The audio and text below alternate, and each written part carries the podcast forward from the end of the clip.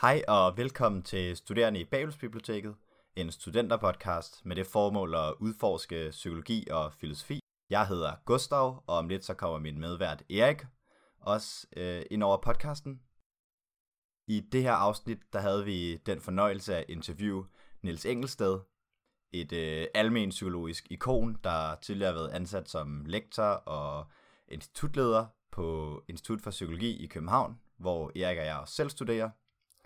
Det var enormt spændende, og vi fik øh, blandt andet spurgt Niels om, hvad almen psykologi er, hvad psykologi overhovedet går ud på, og hvordan psykologi afgrænser sig for andre videnskabelige discipliner. Så øh, læn dig tilbage i stolen og lyt med til en masse fascinerende pointer fra Niels.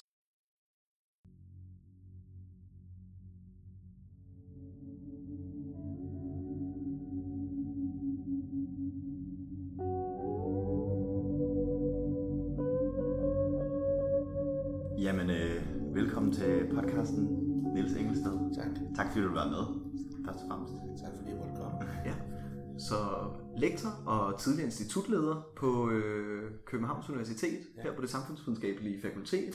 Så vi har glædet os rigtig meget til Tidligere at se det humanistiske. Og tidligere det humanistiske, det er rigtigt. Ja. Og både det ene og det andet sted, ja. Dejligt. Og øh, vi kunne rigtig godt tænke os at snakke med dig om almen psykologien. Ja, Øhm, både noget, som ikke længere er et fag på KU på psykologi, men som tidligere har været, så vidt jeg har forstået. Øhm, også noget, som, men stadig noget, vi har beskæftiget os med på studiet ja. øh, på forskellige måder. Ja. Så øh, først vil vi måske gerne spørge om, hvad, øh, hvordan man traditionelt har forstået almen psykologien øh, i psykologi, og hvad det har været for noget, og hvad folk har gjort, når de har bedrevet almen psykologi. Ja, okay. Det har traditionelt forstået på to måder. Det ene er, hvad hedder det, øh, og det er også den måde, der er mest gængs nu. Øh, det, ene, det er den, som, hvad hedder det, man får et godt indtryk af, hvis man læser, det er derfor jeg har taget det her lille notat. Hvis man læser, hvad øh, den amerikanske psykologforening American Psychological Association skriver i deres dictionary om general psychology. Jeg læser lige op. Mm. The broad study of the basic principles, problems and methods underlying the science of psychology, including areas such as behavior, human growth and development, emotions, motivation, learning, the senses, perception, thinking processes, memory, intelligence, personality theory, psychological testing, behavior disorders, social behavior and mental health. The study is viewed from various perspectives, including physiological, historical, theoretical, philosophical, and practical. Vi kan godt høre, at det, de beskriver her, det er psychology in general. Ja. Det er jo altså psykologi i almindelighed. Ja. Det vil sige, for dem er almen psykologi, eller general psychology, det er en indkøbsvogn, så man kører rundt i, i det, det, det psykologiske supermarked, så tager man varer ned fra alle hylderne. Man kan sige, at det er lidt passiv, men det er indlysende, at, at det ikke er et fag, der har en opgave eller en mission. Almen psykologi er også det den alternative måde opfattet som en, et fag, der faktisk har en opgave. Og opgaven er ikke kun at køre rundt med de her ting i indkøbsvognen, men at på en eller anden måde konstruere eller beskrive den arkitektur, det hyldesystem, mm. hvor alle disse varer kan finde deres rette plads på. Og det interessante er, at jeg ved ikke, om hvor- gode jeg er til jeres historie. Jeg sagde til mine studerende, at der var kun, kun et årstal, som de skulle kunne. Og det var 1879. Åh, mm. oh, oh. Nede i Leipzig. Præcis. Det var det år, da Wundt stiftede sit psykologiske laboratorium i Leipzig. Og så var det jo så vores filosofprofessor her ved Københavns Universitet, Harald Høfting, han sagde, ah, det lyder spændende, hvad det laver det i Leipzig. Og så sendte han en ung ingeniør, der var interesseret i filosofi derned, for lige at studere, hvad det var, så han kunne komme tilbage, så kunne man anbringe det inden for filosofi i København. Og han hed Alfred med, og han kom tilbage, og det var så ham, der stiftede instituttet her lige ved siden af øh, i 1885. Det var det næstældste institut i verden, hævder vi. Ja. Så det var alt sammen betydningsfuldt. 1879, det skal danske studerende altså kunne. Ja. Men i 1879, der var der en englænder, der hed George. Han hed Henry George Lewis, L-E-W-S, Lewis, som faktisk skrev om The Study of Psychology, hvad det krævede. Og han lavede så faktisk en, en almen psykologisk model, som man skulle prøve at efterligne. Og man kan sammenligne hans model med et vognhjul et på en Det vil sige, han sagde, vi skal selvfølgelig have en masse eger. Og det har vi jo. Vi har endeløst med eger. De ligger i store brændestabler rundt omkring. Og nogle gange så slås de med hinanden som trådstikker. Mm. Men vi skal have orden på de her eger. Og det forudsætter to ting. Forudsætter et, at vi har et nav, som, mm. kan, som disse eger kan sættes på. Og det andet er, at der er en ring, som holder sammen på det hele og definerer psykologiens område i relation til de andre videnskaber, så de på en eller anden måde hænger sammen med hinanden i videnskabernes store familie. Mm. Fremragende. Det, er, det, det er lige beskrivelsen af, hvad almindelig psykologiens opgave er. Et, hvordan hænger alle de her eger sammen i relation til de andre videnskaber, og hvad er den enhed, der, der får hele lortet til at Det var 1879. I 1879 skete der endnu en ting. Louis døde. Det var selvfølgelig trist. Ja. Så okay, det var så, det er kun sådan nogle nørder, der så har fundet den tekst frem. Ikke? Ja, ja. Der står det jo så godt, jeg tror, jeg kan ikke huske det. Hvad hedder det? Nå, men det er i hvert fald en præcis model. Men det var ikke sådan, at man ikke kom til at arbejde med det i Tyskland. Tyskland, det er jo, man plejer at sige sådan her. Tyskland er psykologiens Athen, mens USA er psykologiens Rom. Ikke, det siger noget. Athen, det var der, hvor alle de gode tanker, de blev skabt og så videre. Mm. Og Rom, det var så der, hvor man så det blev anvendt. Ja, anvendt. Ja, og det var rigtigt nok. Det er rigtigt nok. Og det, de kæmpede med det i Tyskland med de her forskellige laboratorier. Vi kan opfatte os selv som en, en underafdeling af Tyskland i vores laboratorier. Vores øh, folk, de var jo nede i Tyskland og studerede, ligesom Lehmann havde. Så det kæmpede de også med dernede, for der var forskellige retninger, der kom op og skændes om, hvad der var den rigtige forståelse. For de her forskellige paradigmer. Øh, og da vi så kom, Amerika kom ind i billedet, så blev det flere nu øh, behaviorisme, øh, Wunds perseptionspsykologi, gestaltpsykologi. Og det ene og det andet, alt muligt. Så var der psykoanalyse, uhyre, inde i Østrig, Ys og, Ys og alt det der. Hvad var det for skrækkeligt? Og så, hvordan alt det her sammen? Ja, det er noget med hinanden at gøre. Så det kæmpede man også med i Tyskland. Og fordi det var svært at få det til at hænge sammen, så talte man om psykologiens krise. Mm. Og i 1927 kom der to tekster, der handlede om psykologiens krise. Det ene, det var af en tysker, der hed Karl Bühler, og, og jeg har brugt den her analogi øh, med, med, med den her elefant, som de her vise og blinde mænd møder i Indien, ikke? Og så går de rundt og rører ved elefanten fra hver sin side, og en rører ved snablen, og så er det en slange, og en rører ved stødtand, så det er et spyd, og ved halen, så er det pisk, og så videre, så videre. Og så kommer de op og skin, som det er for et dyr. Og det er jo fordi, de er blinde. Mm. Øh, men i det øjeblik, så man, de kan se, at det faktisk er en elefant, så kan de jo se, at de faktisk alle sammen har haft ret. Så det var jo ikke en pisk, men det var, helt, det var helt godt, at han det var en pisk. Mm. Det, det var helt og så videre. Så hvis man bare kan se dyret, hvis man kan se dyret, så vil vi vise alle ret, og så kan psykologiens forskellige områder finde sammen, og så kan vi få psykologien til at bevæge sig fremad i takt, i stedet for hele tiden at begynde forfra, og alle slås mod hinanden. Mm. Det var Bøhlers. Russerne, russerne, de var også uddannet i Tyskland. Alle var uddannet i Tyskland, undtagen englænderne. Russerne var også uddannet i Tyskland. Og der udviklede sig også en, en, en rig en, især i, hvis, hvis Wundreines for psykologiens stifter, så havde han en medstifter, regner man med. Det var nemlig en, hans gamle værelseskammerat, for da de studeret hos fysikeren Hermann Helmholtz, som hedder Ivan Sechenov, for han grundlagde faktisk lidt før mm. et psykologisk institut i, i Rusland. Men han interesserede sig for refleksologi, og der udviklede sig en meget, meget rig refleksologisk skole over i Rusland. Øh, det er også stimulus-respons. Mm. Øh, men nu, altså hos Wundt, der er det stimulus, bank, fysik ind i hovedet, og så kommer der oplevelser. Hos øh, Sechenov, der ben ind i hovedet, så kommer der adfærdsreflekser. Og det bliver så grundlaget for Pavlov og grundlaget for... Lua er sådan, ikke? Ja, Lua, ja, Lua er også, ja. Og for den amerikanske behaviorisme, de henter deres inspiration. Pavlov, øh, Watson henter sin øh, inspiration fra russerne mm. og Pavlov. Der sker så det, at nogle andre behaviorister, de henter deres inspiration fra gestaltpsykologerne, så behaviorismen er slet ikke så åndssvagt, som man går. Mm.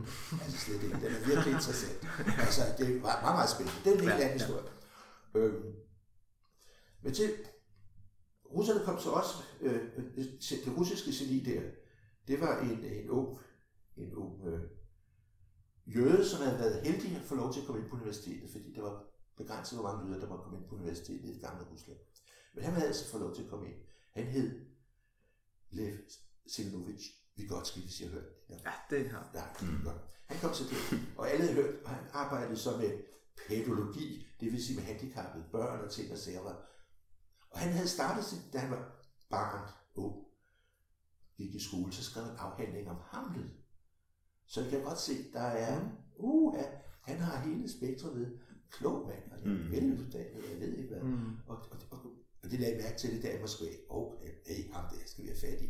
Så de rekrutterede ham til, til instituttet i Moskva, hvor han fik to assistenter. Jeg tror, det var, var du nævnte ham lige. Ja, Luria, han var... Luria, han, han, ja. han rekrutterede ham, tror jeg. Ja. Og så havde han også en assistent, Lurias underkammerat, eller den, som hed Leontjev. Åh oh, ja, ja. Så det var de tre. Ja. Så vi får sådan en trojka der af Ja. Vygotsky, Leontjev og Luria. Og de, hedder det, de, og, og, i 27 der, der skrev Vygotsky så også en, en, øh, en tekst, der handler øh, psykologiens krise, og det er jo tekster, man kan kalde dem almindelige psykologiske tekster. Og i den, der kommer han med den her opfordring, at hvis man bare kan finde psykologiens celle, det vil sige den enhed, som Mm. så vil resten af bygningen, den vil udvikle sig af sig selv, skriver han faktisk. Vi skal bare finde ud af, hvad cellen er. Så, og det er jo det der, der navet der i, i, i, i uh, Lewis' jule, vi taler om her. Og uh, uh, det vi snakker om, det er, og bøller, det er jo, hvordan får vi den der ring, der ligesom organiserer det hele, så vi kan se, hvordan det er sådan. Og det man kalder det det almindelige psykologiske projekt.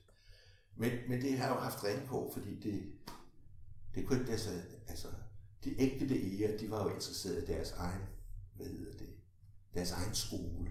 Så det var Mm. næsten umuligt at, at komme til ens. Der var, man kunne ikke blive enige om, at man skulle lave det her.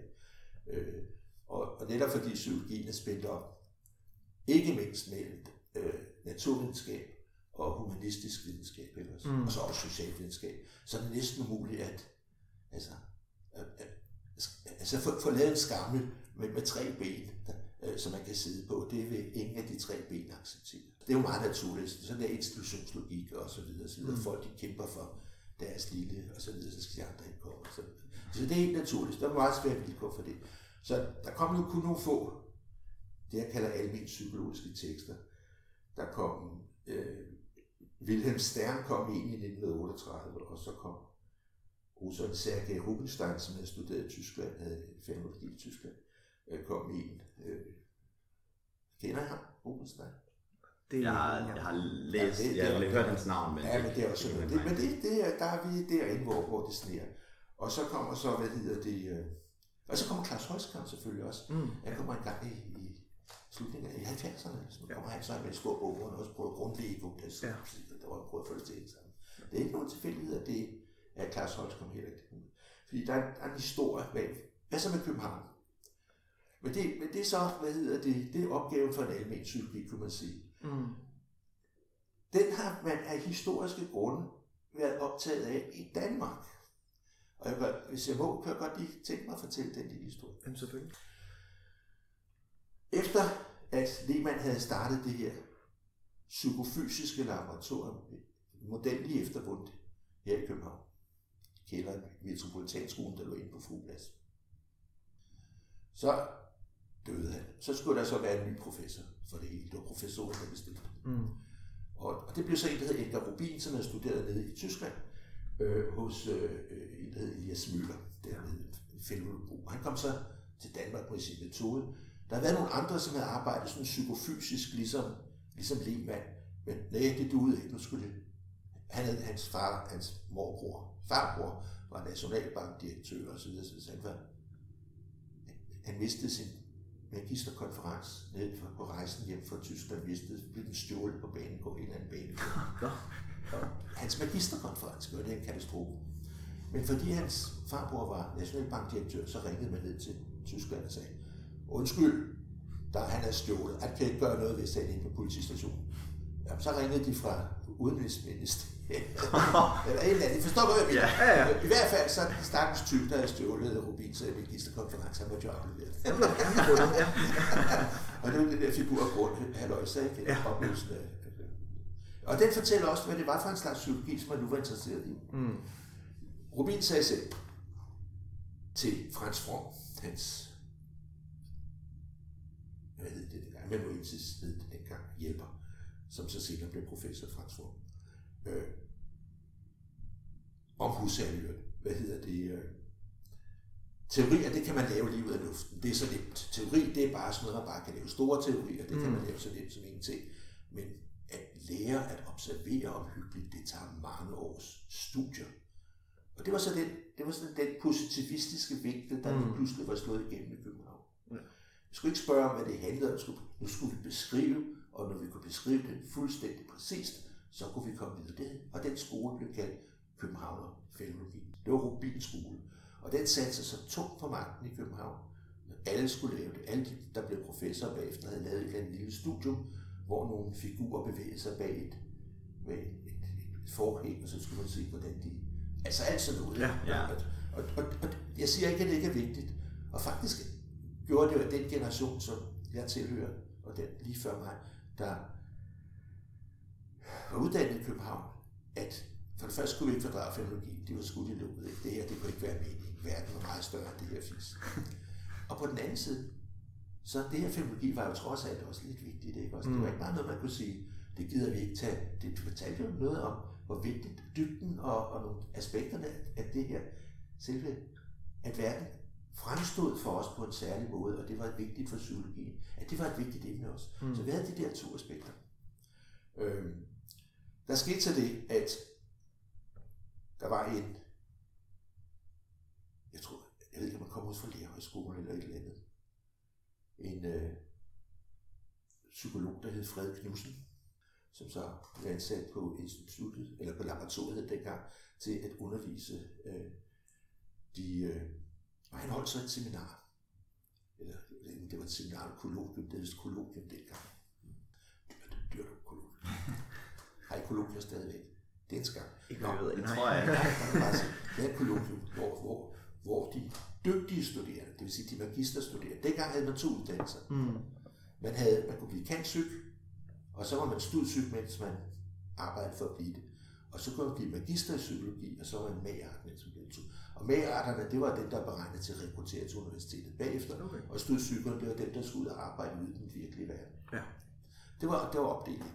Så de magisterstuderende, de kunne så komme her hos Frederik Knudsen. Og hvad gjorde han så? Måske var han lidt ondskabsfuld over for de der andre professorer, de der fenologiske professorer. Han begyndte at fortælle om behaviorisme, kognitiv psykologi, mm. disse forskellige, som de havde ude i verden i Amerika. Og så sagde de her studerende, helt ærligt, at det er lidt for snævert det, vi har her. Mm. Og vi må prøve at brede det ud, ligesom Frederik Knudsen gør. Så ja. det kan godt være, at han har været lidt en slange i paradis. Mm. Mm. Øh, han har nok hævnet sig, fordi han ikke selv, han synes sikkert, at de var idioter, og han var bedre, og det har han sikkert haft ret i. Så, mm. sådan er det så tit. Hvad gjorde de her så? De blev meget vrede og utilfredse med Københavnerfilologi. De synes, den var alt for begrænset og restriktiv, men jo tydeligvis også var. Og den lukkede alt for meget ud, så man jo på virke noget om. Mm. Og så i 1968, så gjorde de oprør. Studenteroprør. Studenteroprør. Og det handlede om at få den der brudt op, at det der, også professorvældet og alt de der ting kom. Ja. Men det var i høj grad opgør med København og Mm. Og, og Jens Marmen, som øh, min gamle ven Jens Marmen, som jeg måske ikke har omtalt før, men så lidt omtaler, han øh, over tidligere institutleder over i Aarhus professor, hvad hedder det, han var en af anførende for det der, fordi, netop fordi, at han mente, at det var en spændetrøje med København mm. Så købte det her oprør.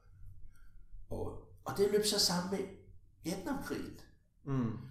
Hvor de så over i USA, der skulle de jo der, ville, der, der skulle de jo være soldater i Vietnamkrigen. Det ville de sgu ikke. Dem på, på de her colleges, de ville ikke overstå vietnameser i, hvad fanden var meningen. Øh, og så de gjorde oprør på de amerikanske colleges. Og så blev der ballade ned i Paris, ikke? så studerende, de, de gad sørge heller ikke. Der var også alt muligt på det. Så lavede de på oprør i Paris, ja. brændte halvdelen af Paris af. Eller, det vildt oprør, og, og alle, det var vildt dørskræk. På Københavns Universitet, der var der så en kommunist, der var blevet rektor. Han var en snedekæl. Så han sagde, ah, vi må, vi kan jo ikke bare puste politiet på dem alle sammen og tiske. Nu må vi finde en mindelig løsning. Mm. Og så han lå, hvad hedder det, Finn Ejner Madsen tale fra talerstolen, øh, siger, politiet skulle hive ham ned. Så det, mm. så, og så Og så blev Folketinget også enige om, så må vi lave en ny styrelseslov, hvor de indføre et eller andet for, for ikke alle de unge, de var helt vilde i varmen der. Og så indførte man øh, demokrati på universitetet. Der havde været selvstyre før, det var, det var professorerne, fakulteterne, det, øh, mm. så det, det var dem, der bestemte. Men ja. nu lavede man institutråd, hvor vipperne, det vil sige også elektorer, junker, øh, og øh, selv de ansatte af tapperne, og, og studenterne fik en stemmeandel i det, der hed institutrådet. Mm. Og de valgte så en institutbestyrelse med en institutbestyrer. Det var det her, så var der på ja. et tidspunkt. Øhm. Nu fik man så lov til at bestemme de forskellige, hvordan studiet og ting skulle tage, så, så de forskellige fraktioner der. Nogle ville have naturvidenskabelig psykologi, kognitionspsykologi, og nogle de ville have biologisk psykologi og etologi, mm. Nej, nu skal vi have noget socialpsykologi og så videre. Nu skal vi have noget samfundspsykologi. Ej, der skal også være humanistisk psykologi. Ej, må ikke glemme den gamle psykologi. Og så pludselig, så var psykologiens krise var flyttet ind for mm. på laboratoriet, hvor, ja. hvor, hvor de forskellige lærergrupper, de kom i døde kamp med hinanden. Ja. Og så, jeg var lige i generationen, lige et halvt nummer under. Det kunne ikke være, de, de har jo ret alle sammen. Hvordan kan det? Det tænkte jeg. De har jo ret alle sammen. Altså, det kan ikke være rigtigt, at Mm. Der er jo ikke noget af det her, der kan udelukkes, og det vil sige, at det må jo på en eller anden måde hænge sammen. Og der kom der opstod som en interesse. Ja. Der skete så det, at som også i Tyskland og i Paris og andre steder, at der, marxismen trængte sig også ind på universitetet fra. Den kom så i forlængelse af, af, af de her studenter i Tyskland i høj grad, ikke? også nede på Freie Universitet i, i Berlin, ikke? hvor Holzkopf han mm. ligesom mm. Og, øh, og de her tyske studenter, hvad så? De importerede så hjælp med psykologisk litteratur fra DDR. Mm. Ikke? Berlin noget midt i det her. Og øh, noget af det, som de hentede derfra, det var oversættelser af Vygotsky, mm. Jørgen for Luan, som så på den måde kom til Tyskland. Og fra Tyskland kom det så selvfølgelig til Danmark. Mm. Der var kvikke hoveder, øh, som, hvad hedder det, hurtigt oversat de her tekster til dansk, kom så til at spille rolle. Og marxismen er i en vis forstand en stor historie, og store historier har, har, var for, blev, blevet gjort forbudt. Vi kan ikke have store historier. Ja. Øh, slut med dem. Ikke? Det skal være små historier. Altså, det Eller ingen historie. Det er jo det, du siger med, at du fik at vide, at der ikke fandtes nogen ja, psykologi han, på et tidspunkt. Han, han, gik til yderlighed. Han ja, gik til yderlighed. Ja, ja. De fleste andre, de, de, de, gik ind, de fleste andre gik ind for små historier. Ja. Ikke? Den her historie. Øh, og det vil sige, og, og der er jo begge dele. Der er både store historier og små historier. Ikke? Altså, det er jo det, der er dilemmaet. Mm. Og behøver man vælge mellem dem, fordi... Men spørgsmålet er, fordrer de små historier organisering, at man har en forestilling om stor historie, eller vil den store historie dukke op af sig selv, når bare man har tilstrækkeligt mange små historier. Mm. Og det vil sige, hvis man laver en analogi, kan man sige, at der alle psykologien interesserer sig, altså alle interesserer sig for puslespillet. Ja. Altså undtagen dem, der siger, at der ikke er noget puslespil, og det er der også noget. ja. men, men, men det forudsætningen i videnskaben, det er, at der faktisk at når man studerer, så er der faktisk noget, man studerer. Ja. Ikke? Ja. Og det, det noget har en eller anden form for særlig orden, så man kan studere med relevante metoder. Ja. Det er ligesom forudsætningen for, ellers er det bare gang. Så det er forudsætningen. Det kan godt være, det ikke er rigtigt. Det kan godt være, det ikke er rigtigt. Mm. Men det er forudsætningen for overhovedet videnskab. Altså. Også det, det kan overføres til noget andet, at vi ikke bare studerer lokale fænomener lokalt, der kun kan sige noget om det fænomen, vi undersøger, men at det også kan overføres ja, på en eller anden måde til noget andet. Præcis. Ja. Fordi, fordi der er så mange parallelbilleder. Ja. ja. Så, så det er nu så mister jeg trådet her. Øhm, Nå, det sidste. Det var vel i forhold til det her med at samle puslespillet. Ja, det var det. Ja. Så man kan sige, almindelig psykologi, der må man godt interessere sig for kanten og hjørnerne, dem der samler puslespil, som jeg går ud fra, at der er et helt billede. Ikke? Mens de andre, andre siger, nej, vi skal prøve, vi skal kun interessere os for de små brikker og koncentrere os om brikker. Og Rubin var netop en, en brikmand. Ikke? Mm. Han lavede da et kæmpe studie af, hvordan en brik på en baggrund kunne vende sig og dreje sig. Mm. Altså. Han bogstaveligt talt for en brikmand. Øh, mens andre interesserer sig for rammen. Og så kan man sige, at det, det er jo spekulativt. Ja, selvfølgelig er det spekulativt. Men i, i fysikken, der er det jo ikke forbudt. Altså, Mm. Teoretisk fysik og eksperimentalfysik, de, de, de, de jo går jo hånd i hånd, ikke? Og, Ja, ja. og så videre, og så videre. Og den ene løfter den anden op, og så løfter den anden den ene op igen, og så videre. Hvorfor? Det kan man jo også have i psykologien. Altså det der, altså, der er nogen, der siger, at der er ikke noget så godt som en, en god teori, ikke? Også det er nyttigt som en god teori. Det kan være forkert, men i og med, at det viser sig at være forkert, hvis den i øvrigt har været forstandig og begrundet, så har man allerede lært noget. Ja. Men der er, altså nogle, der er så de der forskellige holdninger. Øh, Og der positivismen kommer så ind med meget strikt, at man må nogle bestemte ting, som skal kunne ordnes på en bestemt måde, helst sættes på matematik. Mm. Så det, det er så de der, ligesom de der paradigmer, som ligesom, og i Danmark så, på grund af, af det der vindue, hvor vi pludselig fik lov til at bestemme selv. Der var ikke en professor, som dikterede, ja, vi blev ikke fyret, hvis vi ikke lavede københavnsfilologi. Vi blev ikke, ikke ansat, hvis vi ikke, vi, alle fik lov til set. Der, pludselig var der forskningsfrihed. Ja. Altså, man siger, at der skal være forskningsfrihed på universitetet. Ja, det er der også. Men, men, men hvis man er, vil forske i noget, som universitetet ikke er interesseret i, bliver man jo ikke ansat. Mm. Så, så mere forskningsfrihed er det ikke. Hvad hedder det? øh, Pludselig så var det, det åbnede det vindue så op. Og det mener jeg faktisk, at der kom meget frugtbar ud af, fordi dansk, det jeg nu kalder dansk, det danske, den der danske hjemproduktion, som jeg kalder almen psykologi, den blev i høj grad beriget af, af de der, den russiske virksomhedsteori for de der folk, som man havde lært via, via de der freje universitetsfolk nede i Berlin. Uldrejer, kender Uldrejer? Ja. ja. Han, er, han, han har jo tog det der op og, og tog det der ind og lavede så sin kritiske psykologi, ikke? Mm. Så, og på grundlag af Claus Holstom. Så det var jo også forsøg på ligesom en bestemt vinkel, der ligesom baserede sig på i meget, i meget, meget var den almindelige psykolog. Det er så senere blevet socialkonstruktivistisk, hvilket er det modsatte. Mm. Det er så en historie. Ja. Det lukkede, vinduet lukkede. Selvfølgelig måtte det lukke. Mm. Altså, selvfølgelig måtte det lukke. Så man kan godt sige, hvor var det ærgerligt, det lukkede. Det måtte jo lukke. Mm. Øh, det der udbredte selvstyre, der var på universitetet med institutrådet, det, det blev lige skærpet. Så nu var det ikke længere institutbestyrer, som var nedsat af institutrådet, nu var det institutleder. Det var så sidste gang, var jeg institutleder. Ja. Og i næste runde igen, så blev man så enige om at lave en styrelseslov, hvor, hvor man simpelthen afskaffede universitetets selvstyre. Universitetet blev overtaget af en bestyrelse nedsat af ministeriet, som bestod af erhvervsfolk og fremdeles, som ansatte rektor, Mm. som ansatte dekanen, som ansatte institutlederne. Altså det var ikke længere, det var ikke længere den anden vej. Det, var, det, det mente man dengang var fornuftigt. Mm. Og, og så begyndte man også, at forskningsministeren sagde så på det tidspunkt, Helle Sander hed han, at der skulle være kortere vej fra forskning til fakturer. Ja, ja. Altså samfundet skulle have noget ud af det her. Mm. Det, kan man altså det er jo mange penge, og det skal jo ikke være en privat fornøjelse for folk, der synes, det er interessant at snakke om Galilei og Aristoteles. Det skal jo, det skal jo nytte noget. Ikke? Mm. Jeg kommer ind på det, men nytter det noget. Ja. Øh, så han sagde kortere vej. Så, så der blev der så indsat et skarpt regimente, også nedskæring, altså flere studerende Ja. og så videre. Så det, forholdet blev meget, meget vanskeligere efterhånden. Øh, vores stakkels institut øh, blev udsat for en blev voldsom kritik øh, for, for, hvad vi havde gjort, og sat under administration af det humanistiske fakultet. Og der blev nedsat en følgegruppe, som skulle følge os og skulle skærpe kontrol, bestod af nogle svenske forskere, en fra hjerneforskning, nogle svenske forskere og så en egyptolog, som skulle Mm. sætte os under kontrol. Og, sådan noget. og de nåede så til sidst endte de op med, med den, de her, den her, som ligesom skulle diktere, hvad vi skulle gøre. Jeg, jeg har Historisk dokument med. jeg, ikke, jeg har lige taget et citat her.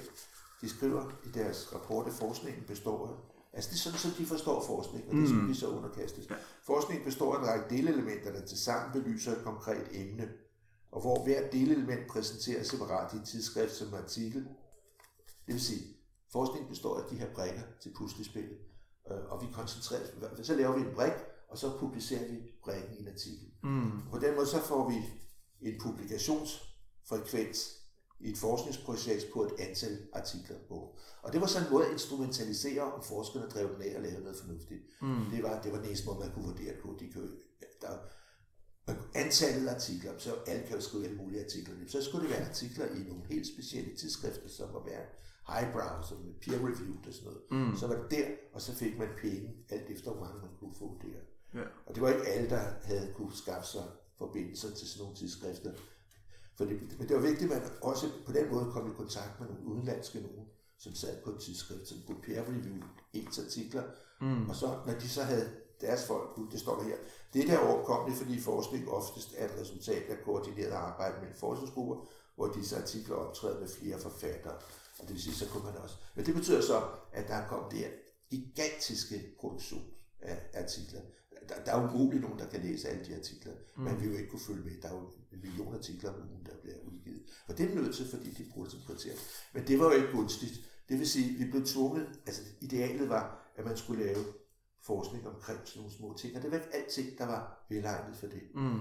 Øh, kognitionspsykologi var på en måde øh, øh, var velegnet. De havde de opfyldt alle betingelserne Ja. og var også meget dygtige. Men det betød så, at kognitionspsykologi i høj grad kom til at, at bestemme, hvad der skulle ske på, på psykologi. Og det vil sige, at hvor man havde haft Københavnerfilologi, så var vi nu tilbage i en ny, en ny skole, som satte dagsordenen og Mm. bestemte, hvem der skulle ansættes som adjunkter og Ph.D.-studerende. Og her kunne man så sige, efter set fra mit synspunkt, at kognitionspsykologi er jo fantastisk vigtig og stor, altså alt hvad de har fundet på er super godt. Men tanken om, at det er udtømmende psykologien, Mm. er jo dræbende på en måde, for det gør det nemlig ikke. Mm. Øh, og det ved, vidste de selvfølgelig godt, de klogeste af dem. Det er ikke det, er ikke det jeg Ja. siger. Men, men, men nu var det der, det snede. Det var der, man kunne skabe de her resultater, som samfundet lagde. Og det er det, der passede til den struktur, der ligesom var lavet fra universitetsreformen. Præcis, det var præcis det. Så, så der er ikke noget at sige til, det blev på den måde. Mm. Men der er, jo så, der er jo så kommet ting i klemme, og så videre. Øh, men man er slap for psykologiens krise, kunne man sige, fordi der var ikke nogen øh, konkurrerende løb. Men mindre de studerende gjorde oprør, så var der jo ikke nogen, der, der, der, der så jeg ved ikke, når, når man spørger til, til den der historie med dansk, og Mm. marxismen er jo også forbudt nu, hvad hedder det, øh, det var en stor historie, de store historier er igen blevet forbudt, ikke? Psykoanalysen er også historie, en stor historie, den blev også forbudt. Man skulle have små lokale historier, øh, og så kom til socialkonstruktivismen, som, som I, det vil jeg lige sige, der er ikke noget forkert i, at vi laver de her sprogspil, og det har en materiel kraft, og de spiller en rolle, Mm. så videre. Men at opløse verden i sprogspil, det er nok forkert. Mm. Altså, så det er ikke fordi, de, de, de findes, og, og vi laver dem hele tiden, og de har en betydning, men vi bør også, hvor kommer de fra, hvor er deres mening, og, og hvordan passer de ind i helheden. De kan ikke erstatte billedet. Men det kommer de til. Brækkerne kommer til at erstatte det store billede. Der er mm. brækker. Ikke? Det er jo ikke rigtigt. Så, så det, men, men, men, men den her historie, det, det, det, jeg ved ikke, om, den er, om der er nogen, hvis I nu spørger mig, hvor, hvor det så fortsætter ind, hvor gået efter, gik på pension for 10 år siden. Jeg jeg ved sgu ikke om det. Det, det, det bør jeg jo vide mere om end mig, for jeg har ikke fulgt, jeg har ikke med. Ja, ja. Ja, fordi altså, umiddelbart så øh, noget, du kommer lidt ind på det på et tidspunkt, men det er det, hvordan kan det så lade sig gøre at undersøge de her forskellige brikker, uden at forstå den store sammenhæng? Altså, øh, jeg synes, at analogien med puslespil er god. Altså, de er der brikkerne, og de er valide og undersøge dem på en måde. Ja. Hvordan, er det bare fordi, det, vi er så komplekse, den menneskelige psyke, at man kan undersøge det på alle mulige måder, uden der er en eller anden samlende et nerv, der samler det hele? Jeg, siger det igen. Det er, altså man taler om den her fragmenterede psykologi, Ja, og du ja. siger, at det kan ikke være rigtigt, at alle er forkerte på det. Og nogle er jo mere modstridende end andre, nogle psykologiske altså, paradigmer. jeg, jeg, jeg mener, den frugtbare, frugtbare, frugtbare vinkel ind til noget, det modsatte bevis, det Mm. er, at alle har en gyldig pointe. Mm. Ikke? Jo. Jeg tror simpelthen ikke, vi er intelligente nok til at finde på noget, der er helt hen i vejret. Ja. Vi tager udgangspunkt i verden. Det kan være, at vi vender det på hovedet, det kan være, at vi det kan da være, at vi belyver det, men det er jo også, Mm. det er jo også bare en anden måde at vende det. Men det kan ikke være helt forkert. Nej. Alle har en gyldig pointe. Og når vi ser på resultaterne, så kan det godt være, at de fortolker det mærkeligt videre. Men, hvis vi har en smule følsomhed omkring det, også forståelse for os selv og verden, så kan vi høre, at der er noget rigtigt i det. Mm. Ikke? Så, og hvis der er noget rigtigt i det, så må de jo på en eller anden måde passe sammen i. Der er kun én verden. Så må de passe sammen i den der verden. Og det bør man da også kunne interessere sig for. Mm.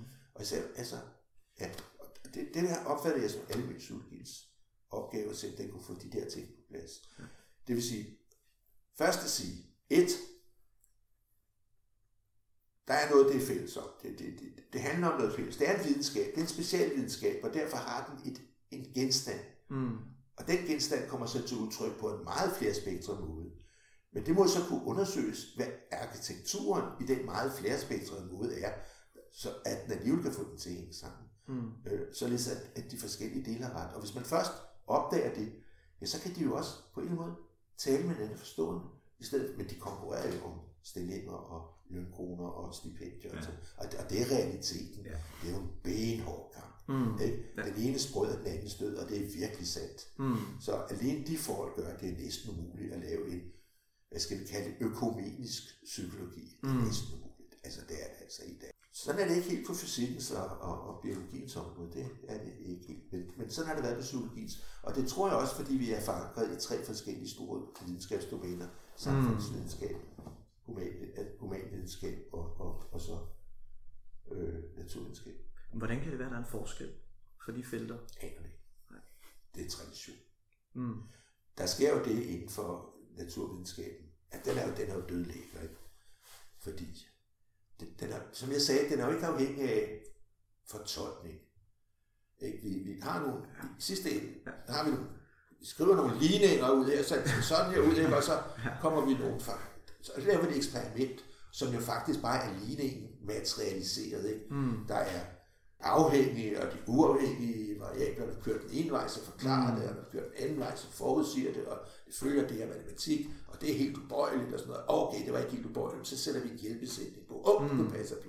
Ja. Øh, det er jo fantastisk. Og så bygger man, hvad hedder det, en storvældsbro eller et lokomotiv eller et eller andet, ja. og kunne hjælpe mig, om det ikke kører. Og man skyder kendt til månen. Hold da kæft, det ramt månen. Altså, ja. jamen, det kan man, det kan man. Altså, ja, ja. det må man da tage hatten af for. Ja. Ja. Eller, eller hold, nu, ved, nu kender vi den genetiske arv. Vi ved hver eneste molekyle, og hvor de sender hen, og hvordan den gør. Vi kan, mm. vi kan faktisk lave en lille bitte kniv, så er så stor nok til, at vi kan skære det der. Det er jo helt fantastisk. Ikke? Ja. Det er jo klart. Og det betyder, det giver jo tillid. Det mm. giver jo tillid, ikke også? Og så kan man få, så få sådan nogle typer, som, hvad hedder han, ham der, som så kan gøre sig spekulationer om universet og historien og så videre. De kan så i en vis forstand testes, ikke? Mm. At der kan være syv forskellige teorier, og så opdager de, at ingen af dem passer, og så opdager de. Ja. Altså, så de har meget bedre forhold. Meget, meget bedre forhold. ja. Jamen også, øh, jeg læste en lille smule af Købestel, virkelighedens niveauer, hvor han ja. beskrev historien ja. med, at man jo havde nogle teorier, og ja. lige pludselig kom mikroskopet, og så ja. kunne man faktisk se, at ja. der var en sammenhæng på tværs af ja. nogle af niveauerne. Ikke? Yes, yes, yes. Øhm, så, så det har jo haft noget forklaringskraft yes, på en yes, eller anden måde, yes, men yes, yes. spørgsmålet er, hvor begrænsningen yes, vil yes, ligger i dag. Yes, yes. Men så. så kan vi vel gå videre til din model for almen psykologi. Nu er vi kommet lidt ind på, hvad det, okay hvad det er. Ja, du siger, det er den der arkitektur, det er det, vi snakker om. Ja, atlaset ja, over atlas, ja. almen psykologien ikke? Okay. Øh, og din arkitektur. Ja, så lad os komme ind på det. Jeg tager lige en tog. Ja, selvfølgelig. Vi har også mere kaffe i kanden, så... Øh... Lad os se en gang. Hvis der er en arkitektur, så kan man også gøre sig forestilling om, hvad den arkitektur er. Men, men her har man, men, man har brug for nogle retningslinjer eller et eller andet for den her arkitektur. Og den skal, fordi ellers så, man kan jo lade hvad som helst af arkitektur. Der må være nogen. Og nu nævnte jeg Lewis før, som lavede den der model for, hvordan en almen cykel bliver skrevet. Og fuldstændig korrekt. Sådan skal det se ud. Han ligger begravet på Highgate Kirkegården over i London. Og i graven lige ved siden af, der ligger den engelske filosof Herbert Spencer. Jeg ved ikke, om I kender ham lavet meget med sådan noget øh, statistik og population. Ja, ja, ja, ja, også ja. ja. Men ikke kun det. Nej. Han var nemlig en rigtig syntesemand. Han lavede en syntese af det hele. Og i 1855 lavede han en stor bog, som hedder, ej, jeg er sgu ikke sikker på, at det er den samme Spencers navn, en stor bog, som hedder Principles of Psychology, 1855. Øh, William James, er det ikke også? Det var 1855. Nå, det, det er, ja. Det er det 1855. Ah. Og der, der skriver han om evolutionen, og den eneste måde, som man kan forstå det psykiske på, det er, at vi forstår, hvordan det psykiske har udviklet sig evolutionært. Mm. I 1855. Læg lige mærke til, at ja. Darwin kommer i 1859. Mm. Spencer, han snakker så også i en anden bog. Han bliver en forfærdelig social darwinist selv. Spencer er frygtelig, frygtelig. Ja. Hvad hedder det? Han snakker om survival of the fittest. Ja. Og den, den, den beskrivelse er ikke med den oprindelige udgave af Origin of Species. Den bliver indført, øh, den tager Darwin ind på ja. grund af Spencer. Øh, Men han snakker om det, han siger, mind can be understood by showing how mind has evolved. Og det kan forstås på forskellige dele. Det kan, forstås, det kan også forstås barnets udvikling. Man forstår barnets sind, hvis man forstår udviklingen i barnets, altså fra lille, lille, lille, lille, lille mm. barn, måske lige fra celle, foster, og så videre, så frem gennem væk, dødvigtig fag, børnepsykologi i den forstand, eller hvad det nu hedder, udviklingspsykologi. Men det gælder også evolutionært. Ikke? Fordi vi ved nu nu, men vi har med vidst man ikke, på Aristoteles tid, ikke engang på Galileis tid, at der har været en kosmogenese, hvor der fysikerne, fysikerne får ud af, at, at verden er faktisk, eller ikke verden, universet, mm. universet har udviklet sig fra Big Bang.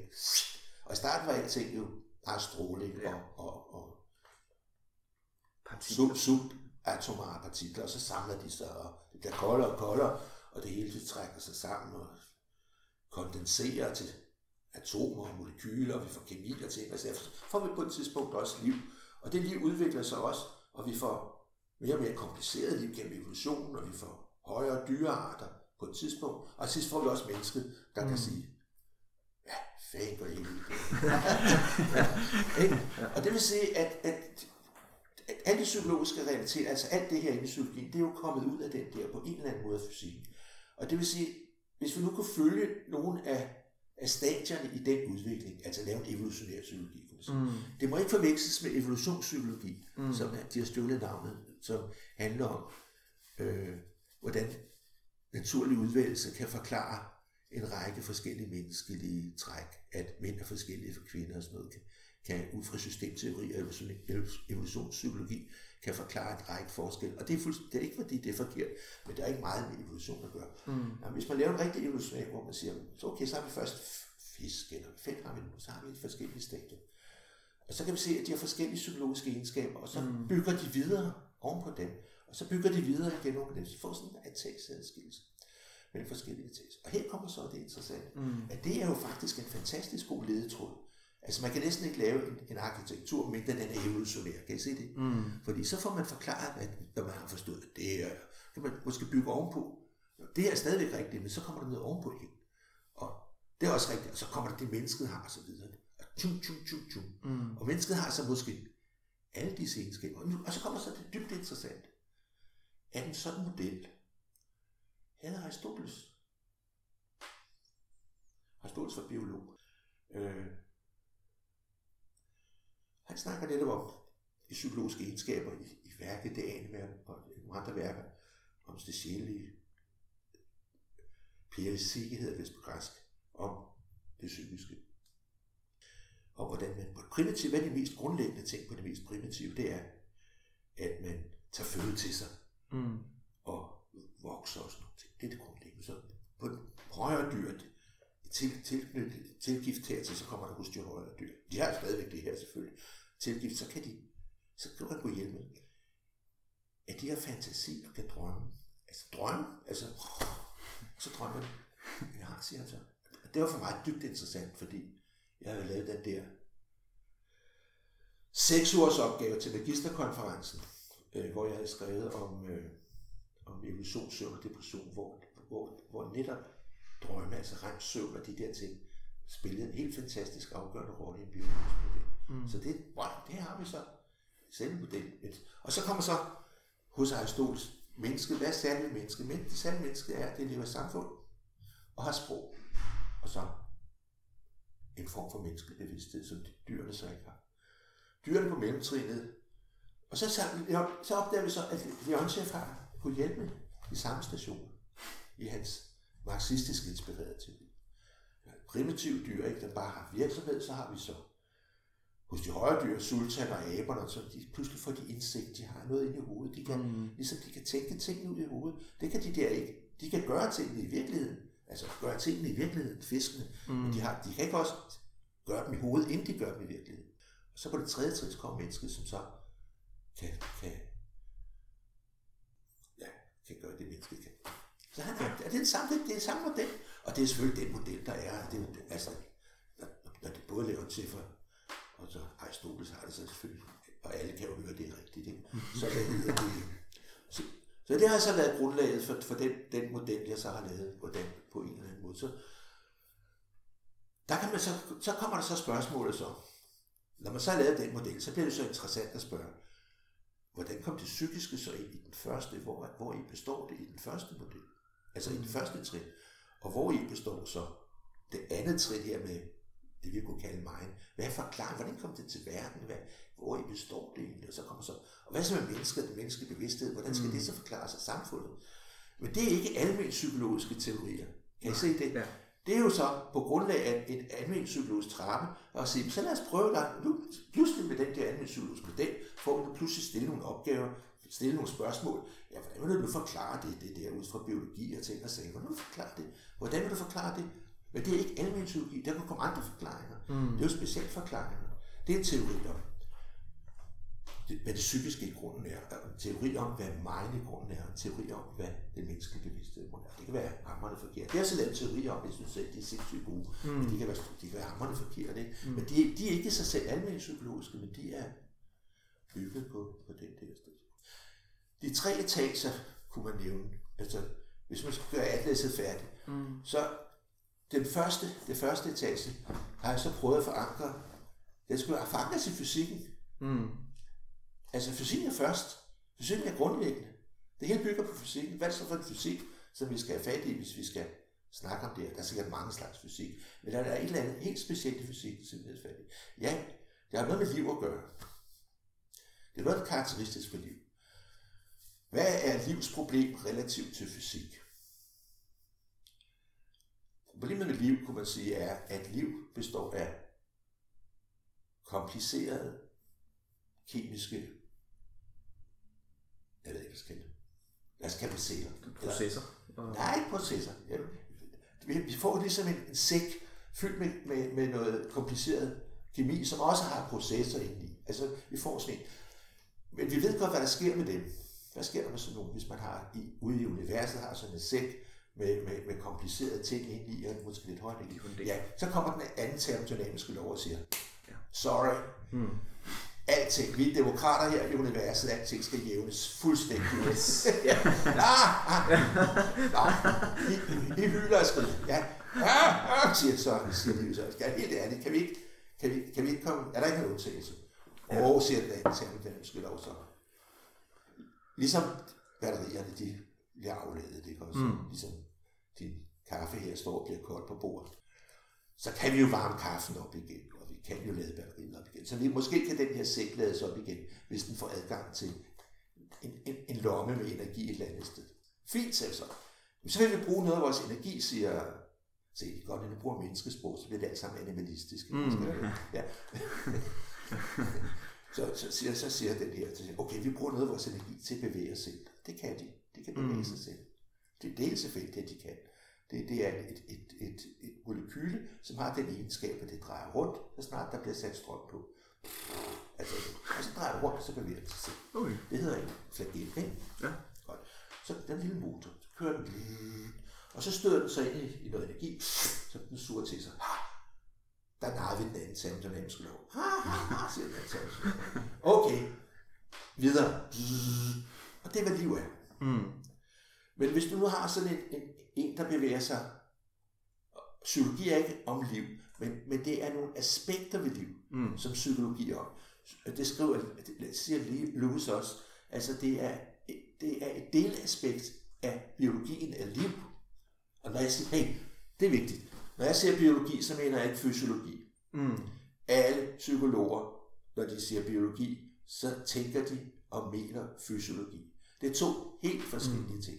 Fysiologi er læren om lægemet og lægemets processer. Biologi er læren om livet og livets forskellige forhold. Det er to radikalt forskellige ting. Ikke? Mm. Så når man siger biologisk psykologi, så al psykologi burde være biologisk. Det er meget bredere. Ja, det er det. Ja. Altså, ja. Det er som økologiske systemer. Ja, der er alt muligt med. Alt muligt med. Ikke? Og der er herunder psykologi, fordi vi får pludselig, ja, mm. ikke kun evolutionslære, ikke kun øh, genetik, ikke kun, vi får psykologi. Psykologi hører med. Hvad sker der nemlig her?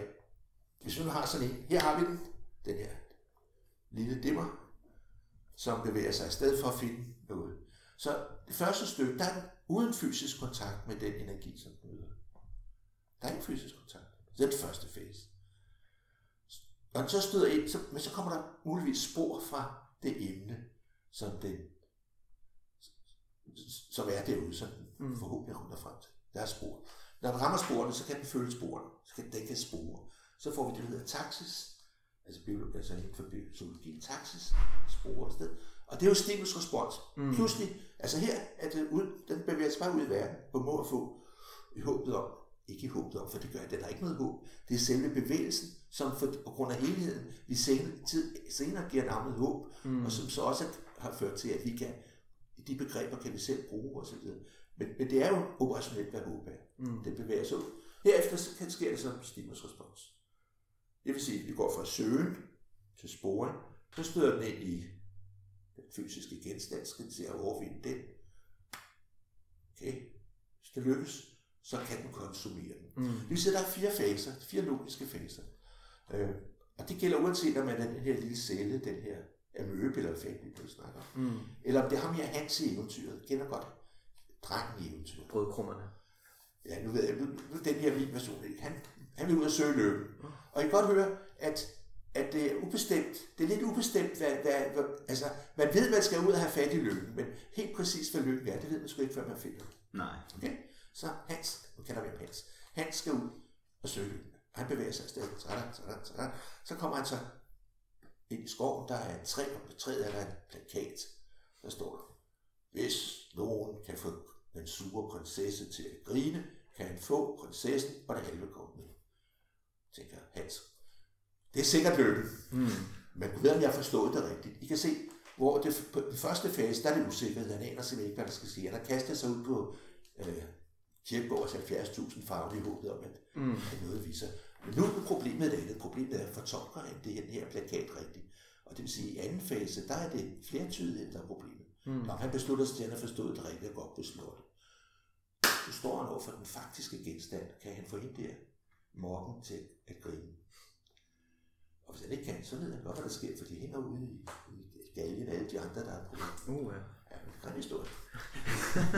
ja, han er rask, rask dreng. Jeg ved ikke, om det er sådan, han har også kraver og mudder i træskoen, ligesom klods. Men det er lige meget. Det lykkedes ham i hvert fald at få en til at grine.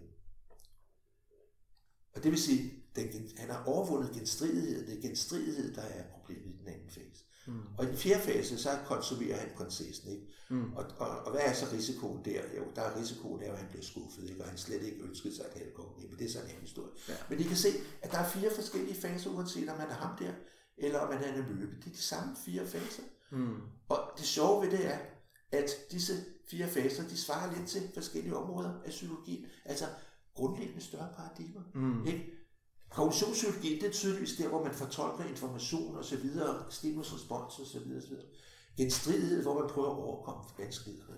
Det er jo behaviorismen, der har, har, har, har en af sin grundform. Der, mm. der hvor, hvor det hele det bliver værdisat til sidst, det er jo den humanistiske psykologi. Mm. Og den første, det er jo den eksistentielle psykologi, hvor man søger ud. Så man kan se, på en eller anden måde er de lukket. Ja. Og, og det, det er jo fuldstændig banalt. Mm. Altså bare, hvis man bare tegner det der, først er den ude for kontakt, så er den sporingskontakt og så videre, ja. så har den det problem, og det problem, og det problem, og det problem. Altså, det er jo, det er jo ikke, det er jo ikke, det er jo ikke raketvidenskab. det, det, ja. du, du kan bare tegne det, så kan du se, at det er rigtigt. Ja. Nå, det, det er så, det sætter så de her forskellige grundlæggende psykologiske områder, at de faktisk hører hjemme i den samme fortælling. Kan I se det? Mm. De er ikke i modstrid med hinanden. Stimulus responspsykologi er ikke forkert, mm. fordi Brentanos søgen er rigtigt, mm. eller omvendt. Det er ikke forkert. Ja. Og den, altså, det er alt sammen rigtigt, ja. og det hører hjemme i, i den samme historie. Det er så den grundlæggende. Så er der oven på den, hvis nu snakker om min arkitektur, oven på den er der så to etager. Og nu har jeg brugt et, et andet eksempel til for at forklare de to etager. Der er den her dreng, der hedder Marcel som er hen og besøge sin mor i den her franske by, hvis navn jeg har glemt. Og han får så serveret en madelinekage med te. Det er så hyggeligt hjemme hos tante. Og så mange år efter, det, det er jo et forhold i verden. Det, her er maden, og her er Marcel, mm. han får det, og så videre, og så videre. Det, det er det første. Det kunne have løbet med, jo. Kan se? Kommer så mange år efter, så duften af en madeleine. Kender I Kender, ved I, hvem jeg taler om? Proust. men- Ja, selvfølgelig. Ja, Ja, også ja. Proust. Ja. Eller Proust, eller fanden det Ja, ja. Helt meget. Ham. Altså, danskere har lov Ja. til at tale som det er. Og Ja. han hedder også Descartes. Det er vi enige om. Ja, ja, ja, ja, ja, Det hedder han i hvert fald. Det havde han i hvert fald mange år for mig. Ja. Ja, okay. Så, øh, Marcel, en dag så mærker han duften af en madelinekage. Og pludselig op af hans hjerne, der dukker sig erindring Mm. om, det er jo mig, ikke kan huske bytte, det er også lige meget, af den tid, han har tilbragt sammen med tanten derhen. Og hele byen, på, pludselig folder hele byen sig ud. Han husker det hele, og, og det hele, et helt liv, en mm. hel verden, forsvunden verden, folder sig ud på grund af duften af den der. Og hørte min teori om The Mind er præcis, at dufte fik den egenskab, at de kunne fremkalde tidligere hele teorien Mm. handler om det. Ja. Meget vigtig teori. Hvad hedder det? Og det er rigtigt, det er garanteret er rigtigt. Hvad hedder det? Nu kan I høre, at nu har vi så det psykologiske forhold, subjekt-objekt-forholdet der. Marcel hans kage, får vi det to steder. Nu har vi det også inde i hans hoved, mm. eller inde i hans sind. På en eller anden måde inde i hukommelsesfunktionerne i hans sind, kan de blive fremkaldt. Mm. Han bærer dem altså ind i hovedet på en eller anden måde, som vi endnu ikke har forstået, hvordan man kan bære sådan noget ind i hovedet, men det kan man så. Øh, Jeg lavet en masse forsøg med plenarie, det lavede min eksperimentalopgave, Mm. hvor hukommelsesoverførsel hos plenarie, hvor man kunne Oh, ja. overføre hukommelse ved det ud hinanden. Ja, ja. Det var lige bøb, bøb om det om det var helt konklusivt, det var jeg lige noget at sige. Men, Ja. men, men, men, vi ved ikke, hvordan det Nej. nej. Det er jo interessant. Og det kan jo påvirkes, det er jo ikke statisk. Ja, ja, nej, nej, nej, nej. Og der var også resultater, at jeg også lavede det med mus. Ja. Øh, og der var resultater, men det, men det var ikke sådan der var øh, hug og stikfaste. Det var det Nej, altså nej. ikke efter min mening. Min Nej. marker mente, de var det. Ja. Ja. Som fik magisterkonference på det. Men, men, men ja, Ja. jeg ved det ikke. Men det er faktisk ret interessant. Ja. Nå, det er en anden historie. Nu pludselig har vi det to steder. Det vil sige, at forholdet i verden, det psykologiske er, er oprindeligt et forhold i verden. Mm. Et forhold i verden, som har de der mærkelige egenskaber. Fordi det er et forhold, skal bruge alle mulige forholdsord til at beskrive det. Bevægelsen, aktiviteten er for noget. Den er om noget. Det er det, de amerikanerne mener. Om noget. Det er det, der hedder intentionalitet på prins Andersen. Mm. Den er om noget, det er for noget. Så får vi alle de egenskaber ind. Det er egenskaber ved den levende bevægelse, vil jeg sige. Den mekaniske bevægelse har egenskaber som Newtons lov og Einsteins relativitetsteori og Mm. strålingen, de har egenskaber som kva- kvantemekanikken har også. Men den levende bevægelse har også egenskaber, som kræver deres egen beskrivelse, deres egne begreber, og det er dem psykologien handler om. Mm. Men nu har vi den ikke kun der. Vi har den også herinde i sindet. Vi har den to steder. Uh, interessant. Så siger mig selv til sig selv. Og, og det der med at have det inde i sindet, det er det, som gestaltpsykologerne kalder, eller Køler kaldte insight. Sikkert kaldte det sikkert Einsicht. Hvad hedder det, da han lavede de der chimpanseforsøg på den der, da han blev fanget af englænderne mm. som, som tysk spion og sat i karantæne på Tenerife. Øh, så lavede han de der forsøg på abestationen for at få tid til at gå med Sultan. I kender godt Sultan, ikke også? Nej, det tror jeg ikke. Ej. Jeg tror ikke, jeg... Øh... Nej, Er det sådan noget, hvor aben skal, der er sådan, altså, den skal få en eller anden ja, frugt ja, eller sådan noget, ja, skal ja, ja, lære ja, men det er jo, bruge en pind det, er eller det er jo så vigtigt. Altså, det er jo virkelig, det er rystet ved det der. Nå, nu skal jeg høre. Gestaltpsykologerne, Wundt han sagde, at vi har de her forskellige elementer, og dem sætter vi sammen som bånd, bånd, mursten. A plus B plus C. Men gestaltpsykologen, sådan er det ikke. Når vi har et element, og så har et andet element, så danner de en helhed med nye egenskaber. Mm. Summen er mere end røv. Helheden er mere end summen af egenskaber, kan jeg se det. Mm. Og det var, de danner en gestalt, og så kunne de vise det på det perceptionspsykologiske område, hvorfor det var rigtigt. Det ville de så også overføre til alle mulige andre ting, da han nu er blevet fanget der på Tenerife. Kø, øh, køler. Og øh, så lavede han de her forsøg med aberne. At så kunne han se, hvis de havde et element her, en kasse, og en kasse, og en kasse, og en banan, de ikke kunne nå, så kunne han se, at Sultan sad, sad sådan her. Og så bling fik den idé, hvis jeg stabler kasserne over på hinanden, det vil sige, at der var dannet en gestalt inde i sindet på mm. Sultan, så kunne den springe op og tage den. Og det var bevist så, og det var one trial learning, hvor amerikanerne de mente, at man, der skulle mange trials Mm. mm. til, før man Ja. ja. kunne lære noget som helst. Ja. Så nej, indsigt, det vil sige indsigt, øh, Money Trial. Lidt progressiv set. Ja, så var kunne de slås om det, Thorndike og, og gestaltpsykolog. Ja, det gjorde det så. Øh, begge dele er rigtigt, de har bare forskellige forudsætninger. Altså, øh, det vil sige indsigt, det vil sige på det højeste, altså på det høje, høje, højeste niveau, og, og drømme, hvad drømme er det er jo også, at vi er inde i, i hjerne og fantasi, som Aristoteles snakker om. Mm.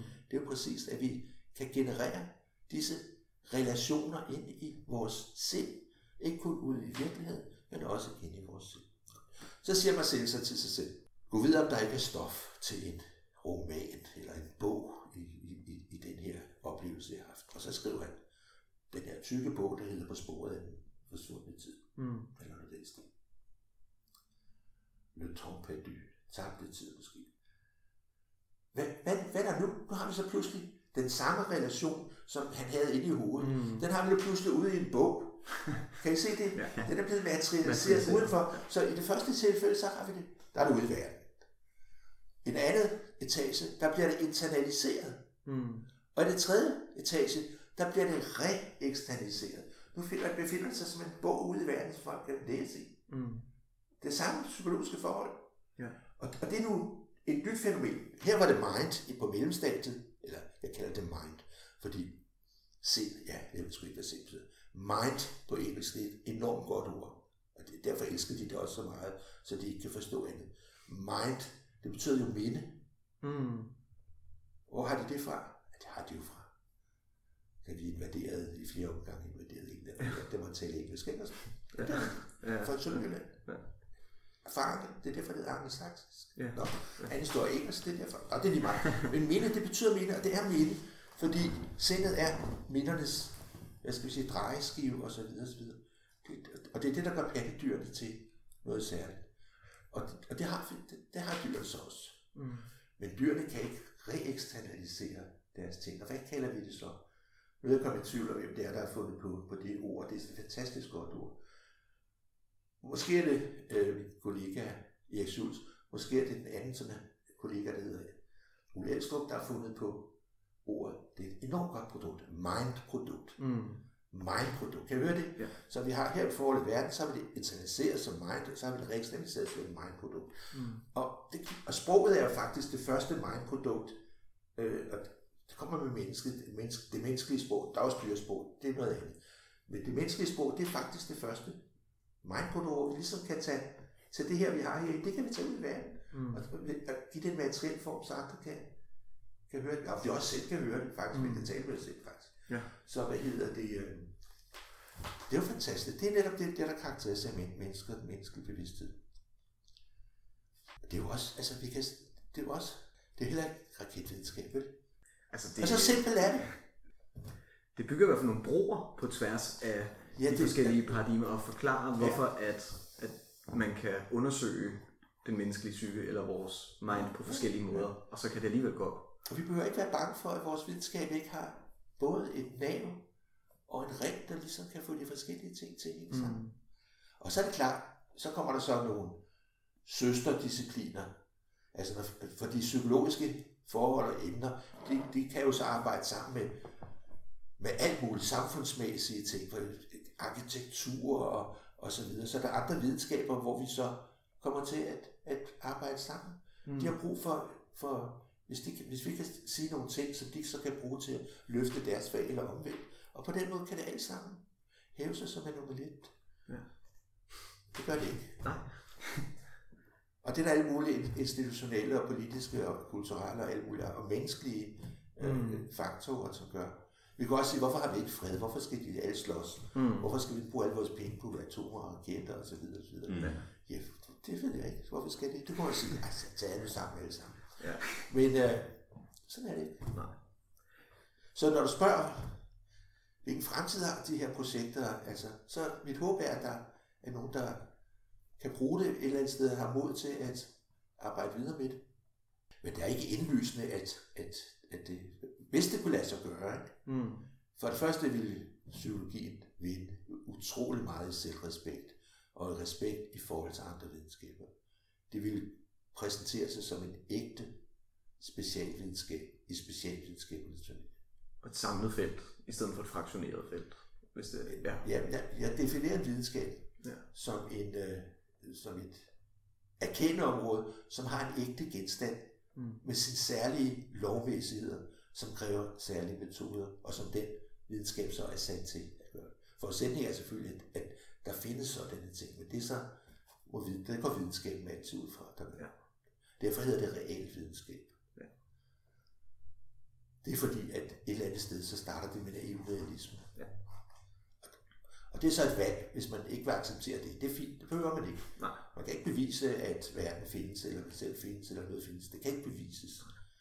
Så heller ikke at Descartes. Så hvis man vil gå den vej, så er man velkommen til det. Mm. Men så hører man ikke med til videnskab. I hvert fald ikke til reel videnskab. Det er min påstand. Og så du kom lidt ind på, at det her med at få samlet videnskaben, også i forhold til andre videnskaber. Ja. Men hvad er din forhåbning, altså hvis man, hvis man brugte modellen til at på en eller anden måde kombinere de forskellige paradigmer ind til mere ensrettet, hvor man trækker i samme retning. Altså hvad er dine forhåbninger til, hvad det kunne gøre for psykologien? Som sagt kunne det skabe en større, altså en større selvidentitet, mindre usikkerhed. Mm. Altså, når nu vores praktiserende psykologer siger, at de er eklektikere, altså, så, så er det også lidt i trods. Mm. Fordi ek- eklekticisme er jo en slags principløshed, at de tager lidt herfra, lidt derfra, Mm. lidt derfra. Så kan de sige, det er fordi, at øh, vi ved jo alle sammen, hvad det psykologiske er. Det er fuldstændig ret, det ved vi. Øh, men det er jo ikke noget, der overbeviser, hvad hedder det, andre videnskaber. Så siger de så, Mm. psykologi, findes ikke, siger de. som Jeg har nogle eksempler på. Og andre siger, altså, det møder man. Det vil man blive fri for. Og, og jeg tror, hvis man kunne det der, så ville man slippe for en masse. Man kunne da stadigvæk have de forskellige institutter kunne koncentrere sig om forskellige ting, Mm. mm. men det vil, det vil, det vil ligesom, det, alligevel ville der være en eller anden form for. Om det havde nogen praktisk værdi, ja, du, det, jeg synes også, det er forkert at spørge, om det har nogen praktisk altså, Jeg skal fortælle, hvilken praktisk værdi er, som om det var Elisander. Hvad, hvornår når vi så frem til fakturer? Aner, Mm. aner det. Men, øh, men der er en anden videnskab jo i høj grad til sidst, når man undlod at stille det krav om, at det skulle nå frem til fakturer, rent Mm. mm. faktisk nåede frem til fakturer, så ville det jo tvivlsomt også ske i psykologi. Ja. Men hvis man forlanger, at det allerede nu skal vise cash value, ikke også? Mm. Det tror jeg ikke. Nej. Og, og i øvrigt, så kan man ikke forlange, at hver eneste psykolog skal vise cash value. Mm. Det må være hvad skal, foretagende som helhed. Ikke? Jeg tænker måske også noget med, at det her med skyttegraven, som der jo nogen siger, der har været inden for psykologien, at det måske også ville være mere okay, at man ligesom specialiserede sig inden for Nej, det er psykologien, i stedet for det, er jo, at... det er jo nødvendigt. Ja, men og det er jo ikke alt. Altså jeg tror, de, der er vel sådan nogen, der ser det mere, øh, hvad kan man sige, nyttigt at gå ind for den ene eller den anden felt, i stedet for at sige, at hver felt har ligesom sin plads i psykologien. Det synes jeg i hvert fald, det virker. Jo, jo, jo, altså folk, altså det er jo, det er jo, det er jo ved at være den dygtigste på et lille år. Altså, jeg vil hellere være den første i øh, et eller andet åndssvagt lille fransk landsby, end den anden i Rom, sagde Cæsar, ikke? Der, Mm. ja. Jeg ved ikke, om vi husker det. Altså. Og, og folk kæmper for, altså, de kæmper for brødet, altså. Mm. Det skal, de jo, det skal man jo have lov til. Ja. Hvis vi tager det her, det her jul igen, Ja.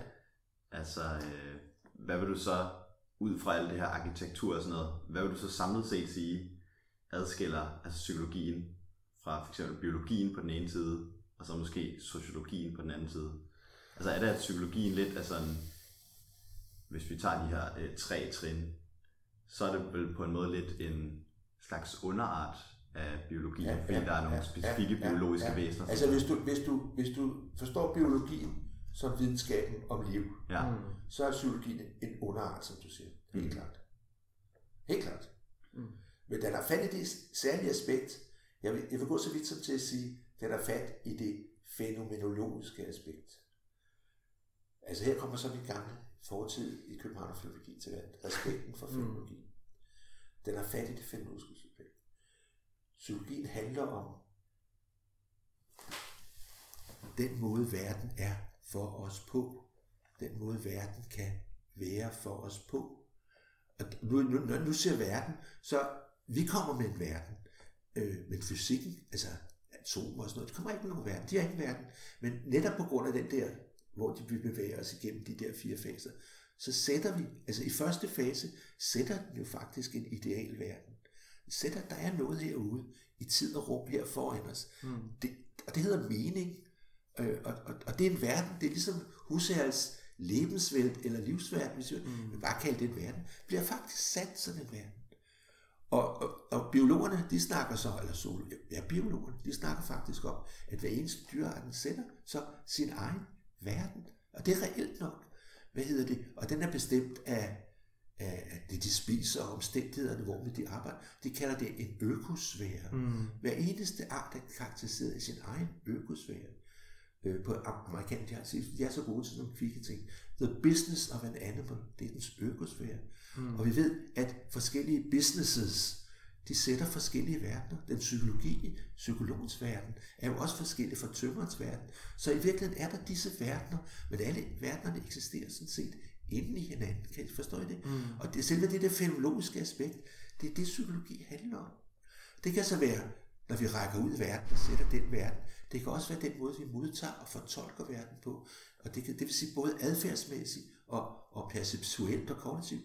Der er det, det, det handler psykologien faktisk om den verden. Mm. Så jeg er tilbage i Københavnerfilologien, bare en meget, meget, meget mere udvidet Københavnerfilologi, mm.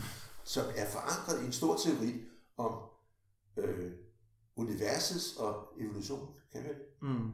Altså, så han kan ret meget et vist har Rubin, men det er det fenomenologiske. Hvis psykologien har et specielt emne, så er det præcis det.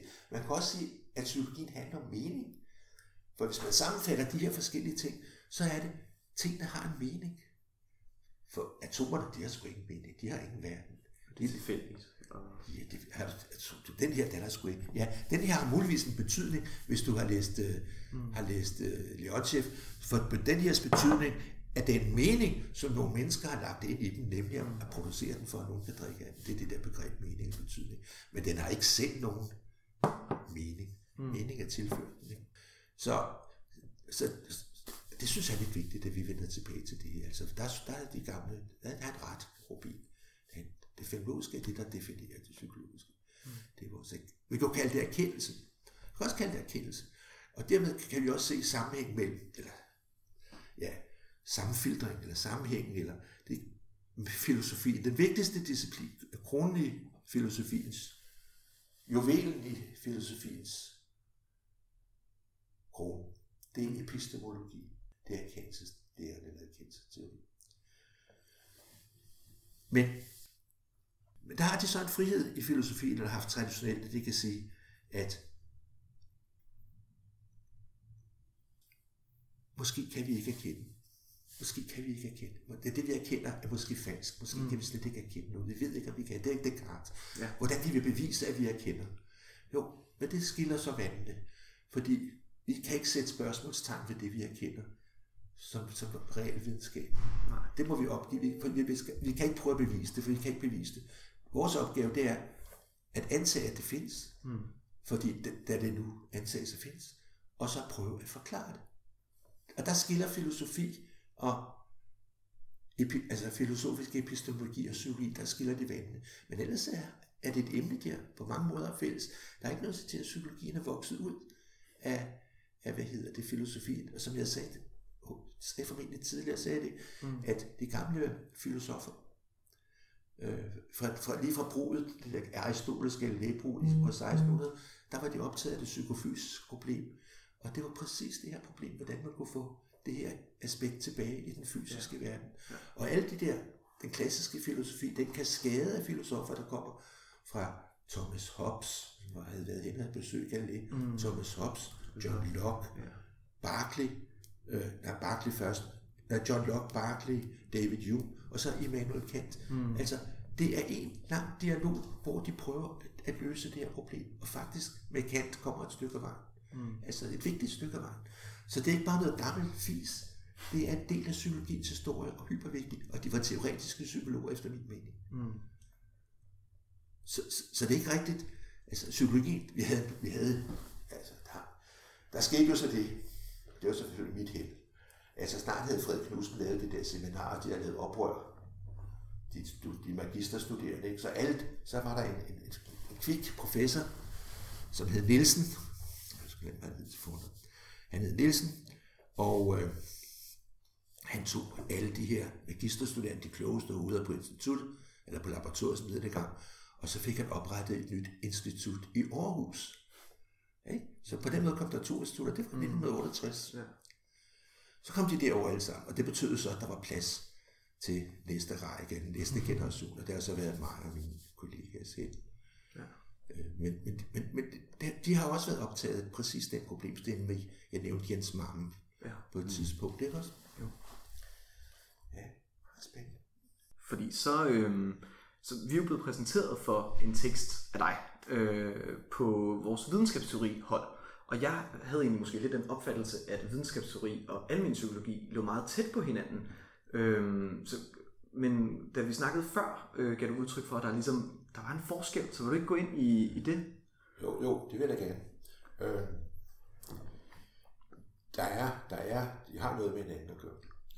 De har det med hinanden at gøre, at begge dele er jo en form for bestræbelser, der prøver at sammenligne og få drage nytte af at sammenligne forskellige paradigmer. Det er jo det, jeg omtalte om psykologien, at den, eller almen psykologien, forsøget på ligesom at, at anbringe de forskellige retninger øh, på en måde, så de har noget med hinanden at gøre. Og man kan se, at videnskabsteori også i en vis forstand af det. Hvis psykologien er en trebenet skammel med et ben i naturvidenskab, et ben i øh, samfundsvidenskab og et ben i humanvidenskab, og det er de mange diskussioner, hvor psykologien egentlig hører hjemme her, mm. fakultetsmæssigt på universitetet. Ja. Øh, altid ulykkelig diskussion. vi kom altid et sted, hvor vi ikke hørte hjemme, men øh, fordi det sted var der ikke. Vi skulle have vores eget psykologisk fakultet, hvilket der jo blev snakket om på et tidspunkt. Oh. Så kan man sige, at øh, videnskabsteori handler også om de store paradigmer, positivisme overfor fænologi og, og så videre, og så videre. Og det er jo præcis også nogle af de aspekter, som hører med i en, en moden psykologi, ikke jævnført det med, med puslespillet med de mange brækker. Der er nogen, der foretrækker det med mange brækker, mm. og andre, de øh, interesserer sig for rammen. Altså begge dele hører med nødvendighed med. Så man kan sige, at der er en vis enhed. Og nu vil jeg ikke sige, som Richard Feynman, I kender den berømte fysiker, jeg ved ikke, om man også bliver Nobelpristager, det tror jeg også, man har gjort, Feynman, han sagde engang, at videnskabsteori er lige så nyttigt for fysikere, som ornitologi er for fugle. Og det, det vil jeg ikke sige, det er for stærkt at sige her. men, men ret beset, ret beset, så er videnskabsteori er jo teori om videnskab, mens almen psykologi skulle være teori om psykologi, dens genstand og struktur. Og jeg kan godt se, det er jo ikke det samme. Mm. Så der er et overlappende område, men man må ikke gøre almen psykologi til videnskabsteori. De to ting har fælles træk, det indrømmer jeg, og det var fuldt rimeligt, at jeg det var selvfølgelig meget, meget rimeligt, at jeg har haft en tekst. det synes vi også. Ja, ikke? Altså, altså, det er helt klart. Altså, det, kunne, det ville være mærkeligt, hvis der ikke havde været tekst mig lige det videnskabsteori. Fordi det er jo, man kunne sige, opfattet. Men, lige Men under alle omstændigheder, så er de to ting forskellige. Altså, det er jo, det er jo nemt at sige. Man kan bare sige ordene videnskabsteori er teori om videnskab, mm. og almen psykologi er teori om psykologi.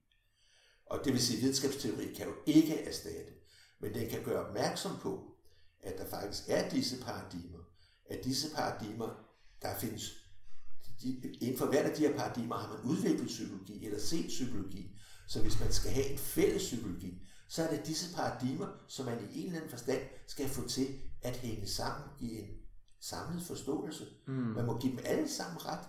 Eksistentialisme, fænomenologi, helt afgjort, sindssygt vigtigt. Uden mm. det, ingen psykologi. Men naturvidenskab også, uden det, heller ingen psykologi. Og når vi snakker om mennesker, så vil man slet ikke kunne forstå menneskets højt udviklede psykologi, uden også at forstå mennesket som et samfundslevende dyr. Mm. Så Ja, nej. ja, altså så videnskabsteori er på en eller anden måde for, for altså hvad jeg hørte dig sige, på en eller anden måde for abstrakt. Det er kun viden, altså det fordi man kan godt køre det over på et psykologisk, hvordan skaber vi ny psykologisk viden? Nej, jeg synes, jeg synes ikke. Men almen psykologien, den er måske mere subjektivitetsnær, eller hvad? Ja, den er selvfølgelig indlysende mere subjektivitetsnær forstået på den måde, at psykologi handler om det levende subjekt Ja. og dets relation til verden. Så det, det er låst til den forståelse. Altså, det kan ikke forstås ud fra det. Det er det, det handler om. Og det er videnskabsteori jo ikke forpligtet til. Den kan jo ligge af andre vinkler. Mm. Historiske, sociologiske, klassemæssige, materielle, økonomiske, øh, tænkemæssige, filosofiske og alle mulige andre ting, kan man ligge i det. Mm. Alle sammen, alle sammen vigtige, alle pointer er vigtige. Det er det, mm. elefant, elefantlæger ja. siger. Så, så videnskabsteori, mangel er bedre, er videnskabsteori det bedste. Det var godt. Hvis det er sådan, vi kan få snedet lidt øh, almen psykologi og erkendelsesteori ind på psykologiuddannelsen, så er det måske nødvendighed, hvis de Ja, det synes er så jeg. repræsenteret andre steder. Ja, ja det, det synes jeg afgjort. Det synes jeg afgjort. Altså, ja, jeg, jeg synes faktisk, de studerende bliver snydt, hvis de bliver, hvis de bliver, kom, kommer for meget ned i en bestemt kasse. Jeg synes, de bliver snydt. Det er et rigt, det er et rigt fag. Mm. Det er et fantastisk fag, altså. Ja. Jeg ved godt, livet er fyldt med mange andre ting, og man skal leve, man skal og det er også vigtigt at specialisere sig og trænge i dybden på et lille område og sådan noget. Men psykologi er så rigt et fag, og de har noget med det at gøre. Så de der i gamle dage, eller i hvert fald ældre dage, der hvor man ligesom forsøgte at lave synteser, der rummede mere af det. Mm. Altså William James' Principle of Psychology er den bedste psykologibog, der nogensinde er skrevet. Mm. Øh, altså, den er, altså, han prøver at tage det ind og sætte det i en ramme, forstå det og engageret i det. Og, øh, Nu læste jeg også lidt øh, i forbindelse med bachelorprojektet der, hvor du skriver også om øh, i den der personlighedens almene grundlag, om sådan en forskel mellem personlighedspsykologi på den ene side og almen psykologi. Ja, der er sådan forskellige historier, men også at det måske er, nogle gange er personlighedspsykologien, som har draget nogle af de almene psykologiske pointer. Ja, ja, det er det. det. Det vil sige, altså de almindelige psykologiske pointer kommer, kommer i høj grad med, når, når snart, snart en, en, et, et psykologisk område er nødt til at inddrage udvikling. Mm. Så, hvad hedder det? Og det gælder jo i nogen grad, altså personlig psykologi. Jeg kan ikke huske, hvad jeg stod i det bog. Så,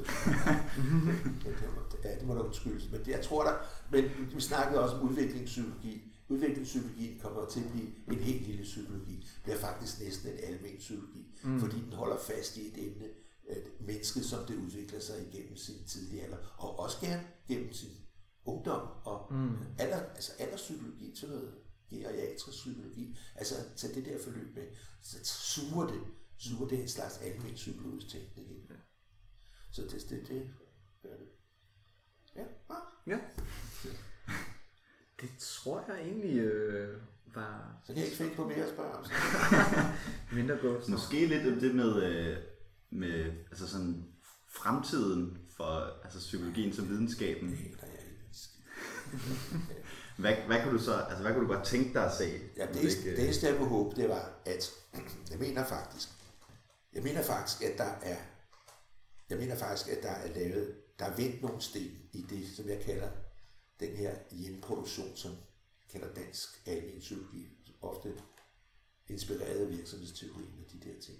Altså, der er faktisk vundet noget land der, som det ville være ærgerligt, hvis det bare helt gik tabt. Og ikke mindst, når jeg nævnte Jens Mamme og hans opdagelse der.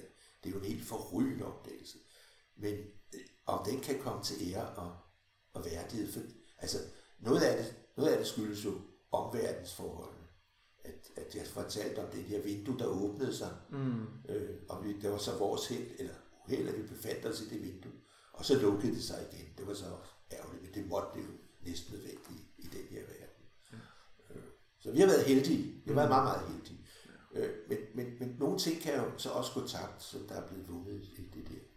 Og, og en af de ting, det er for eksempel Jens Mammes teori, altså med det, han kalder, altså det er virkelig en teori om de to retninger, som psykologien er baseret på. Den udadrettede, den gribende, og så den modtagende. Han kalder den modtagende for sansekategori, og den udadrettende gribende for udvalgskategori. Mm. Og relaterer det til en aktion. Al matematik handler om det modtagende, altså regelbestemte stimulus, respons, regelbestemt. Al matematik handler om det. Men der er et aktion i matematikken, som hedder Samilus aktion, som handler om det udadrettede. Mm. Det er en aktion, der har skabt enorm strid i matematikken, men hvis det har gyldighed, så er det præcis Brentano, der kommer tilbage, kommer ind i matematikken, hele matematikken er Galilei. Mm. Men, men her kommer Brentano pludselig stikker arm fra ind i, i matematikken. Og det er jo fuldstændig radikalt, for det betyder, at der er et ægte grundlag for matematik i, eller for psykologi i matematik. Mm. Ellers er psykologi, som handler om det der, det der, det udadgribende, altså det sættende, eller hvad du vil, det kan ikke rigtig ramme rummes i, i matematik, ikke i den der regel matematik. Det kan ikke rigtig rummes der. Mm. Øh, og det behøver heller ikke blive rummet i, i Galileis fysik, fordi fysikken handler ikke om noget, der griber ud. Det handler ikke om det. Så derfor er det helt perfekt, og vi bliver da fri for det udadgribende almindelige hverdagssprog, når man bruger matematik. Og det gør, at man kan beskrive de fysiske ting meget renere og korrektere. Mm. Men problemet er selvfølgelig, at hvis der er de her to verdener, den matematiske Galilei-verden, og så den hverdagssproglige Aristoteles verden, som psykologien er, er forankret i, at de to ting, altså der er jo kun én verden. Mm. Så hvis, hvis der også kan vise sig, at der inde i matematikken faktisk er denne lille station, som er psykologiens grundlag. Den, den, der er en aktion, som passer mm. til selve psykologiens definition inde i matematikken. Det er jo fantastisk. Det mener, jeg, det mener jeg, at mange har opdaget. Men det kan godt være, at der ikke er nogen mennesker, der opdager det andre end ham. Ja. Nej, hvad hedder det? Jamen, det er rigtigt. Fordi der er ingen, der kan forstå, hvad Jens skriver. Han, han, han skriver om det der matematik. Mm. Ikke? Og det er der ingen, der kan forstå. Hvad hedder det andre end matematikerne? Og spørgsmålet om de vil anerkende det der, hvis de ikke er psykologisk interesseret. Så der er ingen psykologer, der kan forstå det. Det er der altså mm. ikke. Hans, på hans disputat sagde hans, sagde hans uh, vejleder professor Henrik Poulsen, han sagde, at han ville læse det der kapitel om matematikken, når det kom som film. Så han... ja. Altså forstår du? Ja. Altså, og det vil sige, der kan gå, der kan gå dyrbare skak. Altså, mm. det, det, det, er jo sådan nogle enormt vigtige sæde på, at de falder simpelthen på stenkort. Mm. Fordi, det mangler, fordi vi mangler forudsætningerne for, at, at de kan gå. Ja. Det er derfor, altså, og det vil, det vil være en skam. Det vil være en skam. Altså det, jeg har fundet på, ikke også? En hver bare normalt begavet, der, der sætter sig til at tænke over ting, det vil nå frem til præcis de samme øh, arkitektur, som den, jeg har snakket om. Og hvis vedkommende så også er interesseret lidt for psykologi og historie, så kan man se, at det passer med det, man har arbejdet med i 100 år. Mm. Så der er ingen problem. Det kan, det kan genopdages. Men det er ikke sikkert, at Jens Mams øh, opdagelse kan genoptages de næste par hundrede år, mm. hvis, hvis, fordi der, der er simpelthen ikke. Poul Skov. Kender I Christian Poulsgaard? Det gør jeg ikke, for de var ikke forfølgt dengang han levede. Han var fra noget, der hed, hvad fanden var det hed? Den, der blev til Dansk Folkeparti. Fremskridspartiet. Ja, Fremskridspartiet, ja. ja. Og han har gjort en stort nummer ud af, at han var rygter. Altså en for landet, der gik og rygtede kul. Han var også en og talte sådan mm. et jysk sprog der, som de talte der ude på landet. Han sagde engang i Folketinget under en debat om budgetter, at Danmark var for lille et sprogområde til at have en ballet. Vi snakker om bevillingerne til den kongelige ballet. Ja. Danmark er for lille et sprogområde til at have en ballet. Og så skreg de alle sammen med grin. Hele Folketinget og hele Danmark, det de hørte om, det slog sig på loven. Hvor dum kan man være, den ryg derude på landet. Mm. Det er noget af det mest begavede, der er sagt om Danmark. Danmark er for lille et sprogområde. Det er for lille et sprogområde til at have den slags psykologi. Hvis vi ikke kan eksportere den til Amerika nu, mm. ikke? så kan det godt glemme alt om det. Det skal internationale tidsskrifter, det vi skriver om. Det, og det, det skal peer reviews, det vil sige, at vi skal finde nogen, som også synes, det er en god idé. Mm. Og så videre, så videre. Det er ikke sikkert, det kan det så gøre. Det vil sige, det er meget vanskeligt forhold. Så det er Christian Poulsgaard sagde. Det kan godt være, at Danmark er for lille sprogområde til at have en almindelig psykologi. Men noget af det, noget af det ville være synd, hvis det gik tabt efter min mening. Mm. Øh, ikke mindst Jens Mangens øh, opdagelse der. Hvordan kan man så få det, få det bredt ud? Jamen, altså, altså, nu har jeg jo sagt ja til at sidde her. og nu kan det jo ikke undgå at blive bredt ud. Altså i sådan en podcast som jeg er, så er, så er det bare et hit. ja, ja.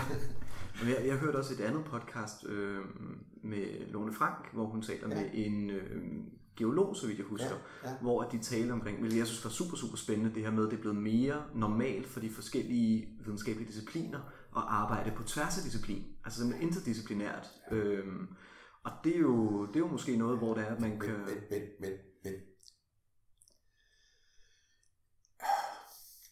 interdisciplinært, det vil sige, det er jo ofte, det vil sige, men, men det kan jo ikke erstatte disciplinært. Mm. Fordi det, disciplinært, interdisciplinært har ikke nogen mening, medmindre at man har forankring i disse områder. Det er disciplinært, eller det er en, Det vil sige, det er tvær, hvad fanden, det er tværvidenskab. Mm. Det, tværvidenskabeligt, det er, jo, det er bare en form for ansvarsforflygtigelse, mm. hvis du forstår. Så Jens, men du kan godt sige, at det måske er tværvidenskabeligt, at Jens har opdaget det der fra matematikken. Det kunne man godt sige. Øh, og, og, og altså, altså, både filosofisk og alt muligt. Det er virkelig, for det forankrer, det sætter simpelthen en streg under den grundlæggende distinktion mellem at gribe ud mm. og tage imod, som er selve kunne sige, definitionen af psykologiens genstand, hvis jeg det vil have så kort. Ja. og, og, så, på, så er det i matematik, det er jo helt fantastisk. Der kan du godt sige, at det er rigtigt. Men ofte så snakker man om, at vi skal have studier, der går på tværs af disciplinerne.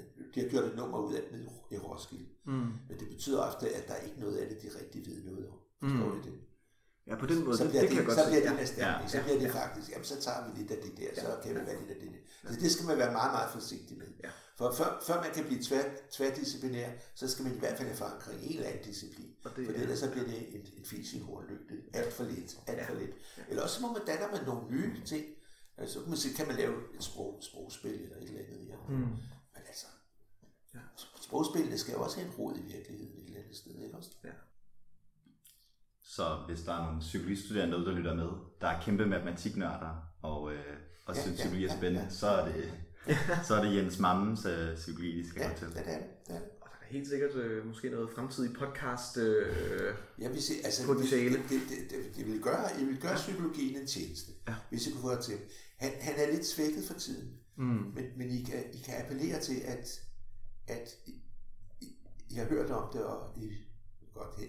Jeg ved ikke, om det gavner eller det skader, hvis I nævner mig. Men, hvis I nævner det også, så, så skader det vel ikke. Men, men altså, det vil være en skam, hvis det går tabt. Hvis Ja. ja. Ja. Altså, jeg mener det virkelig. Det må vi... Øh, det vil være spændende i hvert fald, synes jeg også. Det her med at få det... Og så prøver jeg at tænke bare Ole der, som altid altså en, en skarp analyse, også om den virkelighed, som endnu skal tilbringe nogle år Mm. med, ikke også? Ja. Og de der forskellige aspekter. Og også, det er et andet, fra et andet fag, det kommer fra organisationspsykologi. Mm. Så det, det er virkelig. Ja. Ja. Prøv det. Eller, det er i hvert fald min anbefaling. Ja. Har du nogle spørgsmål eller noget, som øh, du brænder inde med, som du tænkte, den skal lige med på vejen? Nej, jeg håber, altså... Hvordan, hvordan går det med jeres, ved det oprør, der var i gang så for nogle år siden? Det er vel gået i sin mor, ikke? Jamen altså, øh, der blev startet lidt en dialog efter, der var lidt sådan en revolutionær stemning i nogle måneder i efteråret. Og så, øh, jeg tror, som det står nu, så er der blevet lavet sådan et forståelsespapir, hvor at, øh, både dem fra, øh, der er sådan en gruppe af studerende, der har arbejdet særligt med det. Både dem og, jeg tror, ja, institutlederen og studielederen og sådan noget, har begge to skrevet under på det. Okay. Og så har vi så det der papir, som, øh, ja, hvis der er et eller andet, der bliver nedlagt, så kan vi sige, I har lovet det her. Og, ja. Så der kommer aldrig nogen blokade. Men, men altså, det, er jo også, det var også utroligt svært. Det- Dengang det lykkedes, de der gange det lykkedes, ikke også? Øh, Det har, det har dels noget at gøre med, at øh, styreformerne på universitetet var anderledes. Ikke, også? Altså, ikke, ikke det første oprør, men der var de så helt urimelige. Mm. Men der kom så vægten fra de store årgange. Ikke? De store årgange, de- da jeg blev kom på universitetet, kom bare de store årgange. Der var fri adgang, på, og pludselig skulle jeg studere psykologi. Mm. Så der var mange hundrede, jeg ved ikke der var helt presset. De stakkels professorer, som sad og kiggede på kasser, der drejede. Altså, hvad skulle de gøre? Ikke? Altså, altså, så var de ansætte en hel masse øh, hedder det, undervisningsassistenter og sådan noget. Og, øh, hvad skulle man gøre? Altså, Mm. det, det, det, det er ikke for at sige noget ondt om dem. Det var, det var, og selv de her små studier var selvfølgelig hyper interessante og vigtige alle sammen. Men, men, men du kan jo ikke basere et, et, videnskabeligt institut på bare det. Det kan man altså ikke, men det, Mm. det gjorde det. Men, men, men på samme måde, så kan man heller ikke basere det bare på... Altså psykologi har jo ikke en skid med hjernen at gøre, når det kommer til stykket. Hjernen har en masse med psykologi at gøre, Mm. men det modsatte ikke tilfældet. Og det skal man lige holde sig for øje. Mm. Og det vil sige, hvis man ikke også forstår psykologi, så forsøg på at forstå hjernen psykologisk. Det kan man ikke. Mm. Hvis man kun forstår hjernen, så forstår man ikke en skid psykologi. Mm. Så simpelt er det. Ja. Men øh, ja, jeg tror i hvert fald, der står en, der står en masse psykologistuderende klar, hvis øh, der bliver gjort nogle, Nå, nogle flere skub. Fra, ja, men bare, lad være at være ked af, at det er svært. Ikke også? Men, men, men, men det mindste markerer, at altså, mindste markerer, det er ikke godt nok. Det er fint, det man laver. Men det er ikke fint, at man kun laver det. Mm. Altså, forstå mig ret, der er ikke noget galt med, med det der, hvis det ikke udløb, hvis det ikke, altså stimulus responspsykologi, det er 100% inden for det, behaviorisme, kan kun få mig til at tale smukt om det. Men det kan ikke stå alene, for mm. så mangler det meste af, eller meget af det vigtigste. Der mangler de øverste etager, og der mangler hele begyndelsen. Mm. Men det er det, der, på en vis måde er det det, der, det er det, der har givet anledning, altså, det, det er der, hvor man ligesom, det er både der evolutionen har kunne arbejde, det med, med det der første og andet element. Altså selve søgen har man ikke kunne gøre så meget ved. Man kan slå med halen. Ikke? Mm, ikke? Ja. Men det andet der med, med, med, med sporing, man kan få skarpere og skarpere sensororganer, og man mm. kan på en eller anden måde lave nogle algoritmer, der siger, nu skal vi til venstre, nu skal vi til højre, følg den lugt. Og, det, man, og til sidst kan man lave nogle, altså dyrene de bliver bedre og bedre til at spore og lære og så videre og så videre. Og adfærdsmæssigt, altså i det tredje trin med at ordne og orientere, altså muskler og ting og sager, mm. de bliver dygtigere og dygtigere til det bliver ikke dygtigere til at spise, det er det kunne hele tiden. Altså forstår I det? Mm. Det er de to ja. mellemformer ja. der, som ligesom er det, der kan opkvalificere survival of the fittest, ikke også? Mm. Og det er det også i samfundet. Jo, jo bedre man er til at behandle information og sådan noget, og bygge og ordne ting og så videre, det er de ting, der ligesom spiller en rolle. De kommer så til at dominere, forståeligt nok. Men det gør heller ikke noget. Men de må ikke fortrænge, at meningen skabes i det første, ja. og afsluttes i det andet. Ja. Kan I se, forstår I, hvad Mm.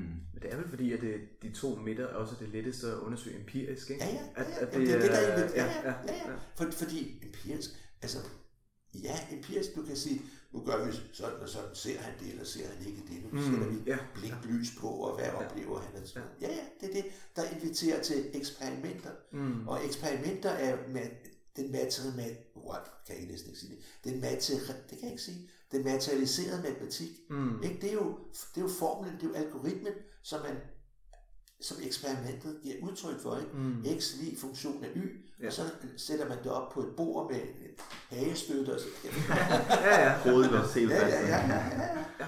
Og så undersøger man om de forhold, ja, ja, man har stillet op. Ligningen. Om det, ja, præcis. Ja, ja, super godt. Så ændrer man ligningen. Ja, ja. Altså kurve øh, tilpasning og så videre, ja, indtil man rammer. Ja. Ikke også? Ikke? Da jeg lavede de der eksperimenter med planarier, der lære det klassiske øh, betingning, så kørte de igennem, og så fik de lys, og så fik de stød, og jeg måtte ændre alle variablerne ind til at kunne fremkalde fænomenet. Det var ikke mm. fordi, det var et kunstigt fænomen, det var bare, det var så afhængigt af de helt konkrete betingninger. Ja. Det vil sige, det også, at man rammer ligningerne helt korrekt. Kan forstå det? Ja. ja. ja. Hvad skriver du om til din bachelor?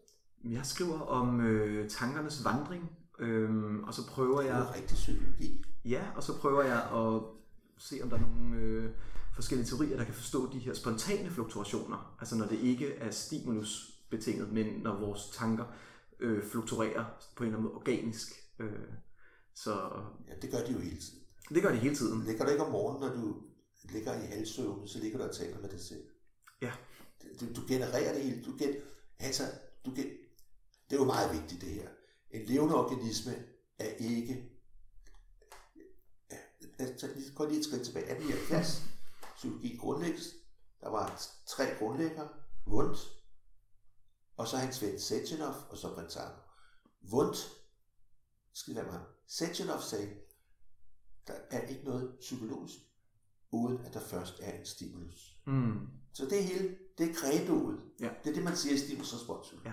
Det er forkert. Alle levende organismer er spontant aktive. Mm. Det er deres grundform. Det er deres grundform. Der skal en forklaring til for at få dem til at stoppe. Der skal ikke en forklaring til for at bevæge sig. Der skal selvfølgelig mm. være en, en mekanisk forklaring til, hvordan det kan være, at de kan bevæge sig. Mm. Og det er på grund af deres kemi øh, og fysiologi, så bevæger de sig. Ja. Så det, det, det er en omvendt ting. nogen siger, vi skal forklare, hvorfor de gør det, så skal vi se, hvorfor starter de. Nej, vi skal ikke forklare, hvorfor de starter. Vi skal forklare, hvorfor de ændrer retning eller stopper. Det er det. Ja, det er ligesom ja. i, i, Ja. i, i Newtons fysik. Du skal ikke forklare, hvorfor den bevæger sig, linjen. Du skal mm. forklare, hvorfor den stopper eller ændrer retning. Ja. Og det samme med levende liv, det er ikke anderledes. Ja. Den levende bevægelse er sådan. Og det er jo så et tilfældighed, at ellers ville vi ikke have haft liv, hvis det ikke var sådan. Nej, nej. Det kræver ikke forudgående stimulus. Han har uret, men det er jo selvfølgelig, hvis det skulle være rigtig Galilei-psykologi, årsag virkning, så, hvad hedder det, altså den stimulus, skulle ligesom, det var ligesom den, den, den model, de arbejdede ud fra. Mm. Og de opdagede alt muligt meget, meget vigtigt ud fra den Ja, model. ja. Men der var en masse, de så ikke opdagede. Ja. Og hvis de så insisterer på, at det, der ikke passer til den model, det findes ikke, det er forkert. Mm. Og, det, og derfor er det også forkert, hvis du har, tror, at de der tanker, der bevæger sig, at den indre tanker, det er det samme som, at du bevæger dig. Det, det sker hele tiden. Mm. Du skal, tankeflugten, du, ved, der er nogle mennesker, det er virkelig svært at få dem til at stoppe nogle gange. Jamen helt Og, sikkert. og det er jo helt, det er, psy, det er psykiatrisk hvad hedder, Ja. diagnose næsten, Ja. af, af tvangstanker og ting, og siger, man kan ikke stoppe det. Nej. Og hvis du har nogle erfaringer fra dit eget liv, hvor du, du har været inde i dit eget hoved, så vil du vide det. Jamen helt sikkert. Og det er, jo, det er jo blevet undersøgt meget inden for det kognitive paradigme, hvor at man har øhm, taget det i forhold til, at du har en executive øh, task, der kræver din øh, koncentration. Kan det, kan det, Og så, øh, løse det her? Ja. Ja, jamen det, er- det er jo den måde, det er blevet... Det næste, det næste sker næsten i hjertet. Altså det er som, det er som femårige børn, der sidder og prøver at løse et problem, som, som, altså, hvor de vil bruge de der byggeklodser, som de mm. har. Men hvis de nu siger, jamen der er ikke nogen problem i, at den gør det af sig selv, for det gør alle biologiske ting, hvad hedder det, så behøver de ikke sige, at altså, det er som om man desperat leder efter at få stimulusen ind igen, ikke også? Ja, jamen, og det, det er lidt det, at, øh, at det, det, det oftest er blevet undersøgt Ja, under. ja. Det her med at sige, jamen nu har vi en Ja. task, og så Ja. kommer der et afbrud. Ja. Øh, netop fordi det har kliniske implikationer. Ja. Øhm, Ja. så, så spørgsmålet er, det er så det, der ikke er belyst helt lige så meget, det er det her med, hvad, hvad er der med de her spontane fluktuationer, der sker. Problemet er jo så også, at det er svært at undersøge Ja. empirisk. Ja, det, er, det er. Men så må man gøre det fenomenologisk. ja. Det, det gør man også. Ja, så må man beskrive det, man beskrive det, og så må man tale med folk om, hvad de, hvordan de føler og tænker. Mm. Hvis man taler med folk om, hvordan de føler og tænker, mm. især når naturvidenskabsfolk gør det, eller læger, Ja. så er der en regel. Det er min erfaring. At du skal altid tro, at det, de siger, mener de bogstaveligt. Mm. En gang, jeg havde engang en depression og så videre, øh, og, og da jeg så var psykolog og sådan, eller psykologistuderende, Mm. så interesserede jeg mig også for, hvad der skete, mens jeg det. Og det der med, at folk mener, at verden bliver grå, de siger, at min verden er blevet grå, eller noget den stil. Den bliver grå. Mm. Altså, det, det, det var for, den virkede forskelligt på mine to øjne. Og det var ligesom, der kom et gråfilter foran det ene øje. Det var, der var en lille forskel. Ja. Det tager jeg på måle. Altså, alt sådan nogle ting. Det vil sige, når de fortæller om deres oplevelse, så skal man tage dem helt bogstaveligt. Mm. Og det er jo ofte et problem, hvis man ikke har haft noget, der bare minder om det selv. Mm. Altså folk, der hører stemmer, altså hvad, hvad sker der her? Man tror ikke det, man tror, det er løgn, ikke også? Ja. Men man er nødt til at tro på det, hvis de siger, at de hører stemmer. Ja. Altså det, det er vilkårene i, det, man kan ikke bevise, at de gør det. Nej. Man er simpelthen nødt til at tro på, at de gør det. Det gør man klogt i. Mm. Det er svært med intersubjektiviteten. Det her med, at man nogensinde kan få fuld indsigt i, Ja. I hvordan andre. Der er jo en barriere, men Ja. vi kan Ja. komme så tæt på som Men, muligt. men, men vi kan meget, fordi Ja. i, på alle de områder, hvor vi, hvor vi deler egenskaber, det kan vi jo mærke.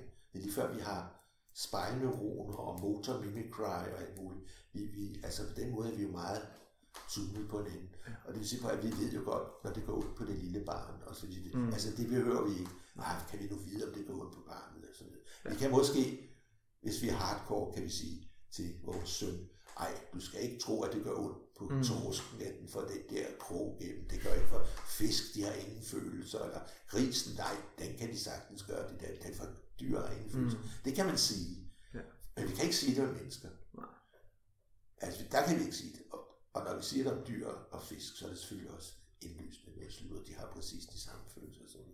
Nå, det kan jeg ikke klippe fra alt det her. Nej, men så kommer vi også lidt ind på, øh, på det her med ja, plantepsykologi og sådan. Det var, det var noget, vi snakkede lidt om til Ja, det, plante, det, det er ømt med det plantepsykologi. Ja. Fordi, ja, men, men, men altså helt ærligt, Ja. hvad hedder det? Jamen, jeg har, okay, jeg har et lille problem, og det kan jeg så godt afsløre for jer, fordi jeg vil så gerne have, at der er nogen ude i verden, som tager de her ting op og begynder at arbejde videre med dem. Plante planterne er et, et problem. Jeg, den måde, jeg nu har defineret psykologi på, er ligesom Brentano. Det vil sige, det er den meningsskabende udadrettede, udadrettethed. Og det, og det karakteriserer alle, alle levende væsener, som lever af, af føde, altså noget mad derude. Men planter lever ikke af mad derude, de har fotosyntese. Kan man sige, at de rækker ud, eller de ikke rækker ud? Det gør det ikke på samme måde. Det bevæger sig ikke gennem tid og rum på samme måde. Så kan man hårdt sige, det gør de. Yeah. At, at det, men, men det ved jeg ikke, om man kan hæve. Der er nogen, der må, der må løse det problem. Kan du se det? Mm. det altså, jeg indrømmer, at der her er virkelig noget til fat på. Til gengæld er jeg temmelig sikker på, at planter, de sanser. Mm. Og der er der nu rigtige videnskabsgrene, som arbejder med planternes sansning. Altså rigtigt. Mm. Øh, og så kan man så sige, jamen mærker de noget? Og det er jo ikke mening. Altså, kender jeg ham der? Ja, det, ham har jeg vel også hørt om i jeres videnskabsteori eller sådan noget. Thomas Nagel har I hørt om mm. ja. ja. okay. Uh, what it is like to be a bat. Mm. Og der tror jeg, at den der, hvad hedder det, den der what it is like to be kvalitet. Nu snakkede vi om, at, at, at, at dyrene har forskellige økonisser. Det er what it is, det er forskelligt af what it is to be et dyr. Det er ligesom, det er garanteret what it is to be a cow. Det må være ligesom på en eller anden måde at være et mm. Ikke? de sætter de forskellige verdener. Ja, det, de lever jo de der forskellige økonisser og sådan noget. Og hvis vi tager sådan en som Jakob von Ykskyld, den der estiske filolog, som arbejder med dyrenes filologi, ikke? Øh, hvad, hvad, hvad er det at være en tæge? Hvordan, hvordan, er det, hvordan ser en tæges indre verden egentlig ud? Og så må han bruge de der data, som man kan til at gøre sig forestillinger om det. Det kan man godt, det er vist mm. jo ikke øh, biosemantik kan føre det til os nogle andre mystiske ting. Og på samme måde kan man jo sige, at så snart der er tale om sansning, så knytter sig den egenskab til, der hedder what it is to be mm. like. Hver gang vi har sansning, altså hver gang vi har sansefænomenet, så har vi også det, det, det der hvad skal det fænomenologiske aspekt knytter sig til det. Og jeg tror også, det gælder for planter. Men vi har ingen for, vi har ingen idé om, hvad det vil sige. Det er sikkert, det er sikkert et slags to be, like something to be en brændnæle, hvad fanden, hvad fanden, hvad fanden nogle brændnæle. Jeg ved det ikke, mm. men et eller andet sted, og, og der er noget mystisk der, men det er i hvert fald noget, som, som man i hvert fald er nødt til at, at, markere sig. Fordi her kommer vi så til sansning. Sansning er jo, mens intentionaliteten, det er sindssygt nemt at forstå. Du tager den anden termodynamiske lov, du sætter de der logiske stationer på, du siger, at de, de ting relaterer sig med nødvendighed til hinanden, du sætter forskellige øh, begreber på de forskellige aspekter af disse forhold osv. Så har du det. Det er nemt nok. Men sansning, hvad er sansning? Sansning har jo forskellige egenskaber. Du kan, altså, men hvad med den der mærkelige fenomenale kvalitet, som mm. sansning er, som netop er Nagels What It Is Like to Be, hvor helvede kommer den fra? Og det er det, filosoferne kalder, hvad kalder de det, the difficult problem. The hard problem. The hard problem. Ja. Og det, det er jo noget understatement, altså, der er jo der aner, hvad fanden snakker vi om her. Og, og, og jeg personligt tror, at vi snakker om noget dernede i den helt mystiske fysik, kvantefysik og sådan noget. Jeg tror, det er noget helt dernede. Mm. Og så spørgsmålet er så, og derfor tror jeg også, at planterne har det. Øh, fordi det som sansningen, sansningen gør, sansningen gør, det på en eller anden måde, for det noget, noget, der sker nu lige her i det øjeblik, til at blive trukket ud, så, hvad hedder det, det har noget af det fortid, og noget af det, altså det, det er ligesom, det skaber en, en mærkelig tidsmæssig lille boble.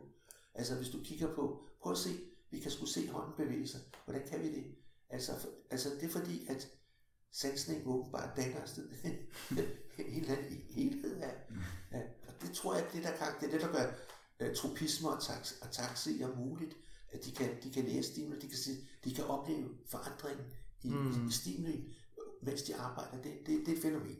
Kan høre, det, der, det her det er et område for nogen, der må interessere sig for det. Det her det er ikke løsningen. Man mm. får antydet, der er nogle interessante ting her.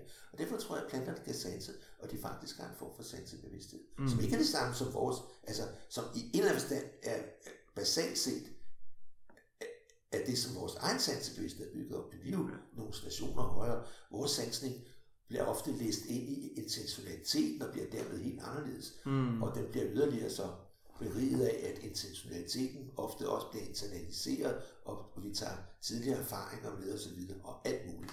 Så, så hver gang man skifter etage, så bliver det det samme, alligevel noget lidt anderledes, kan jeg sige. Mm. Ja. Men så kommer så spørgsmålet, begynder psykologien med sansning, eller begynder den med intentionalitet? Mm. Og så er vi igen ude i, i Galilea og Aristoteles, kan I se det, det der skrevet. Og, og det kan godt være, at eller så er nogle steder er så forsøgt at løse problemet og sige, nej, det med sansning, det hører til psykofysikken.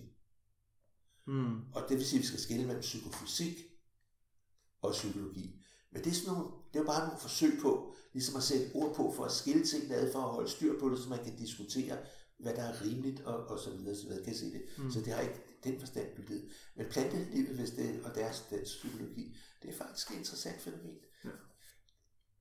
Fægner, kender I Fægner? Gustav mm. Theodor Fægner, det er jo ham, der startede det hele.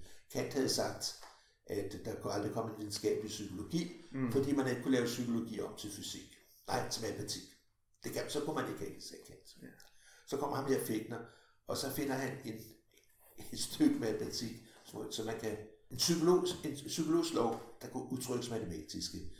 Øh, x lige en øh, logaritmen af f, eller kan I huske det, den der? Sådan noget med, hvordan, når man ændrer stimulien, ja, hvordan ja, oplevelsen så ændrer Ja, den, ændrer sig logaritmisk. Ja. ja, præcis. Og, og den, den, holder, den holder, ikke? Der skal mm. nogle gange nogen... Men den holder. Det, decibel, det bliver en decibel-skala, ikke? Ja. Og så videre, så videre. Og det er et fantastisk resultat.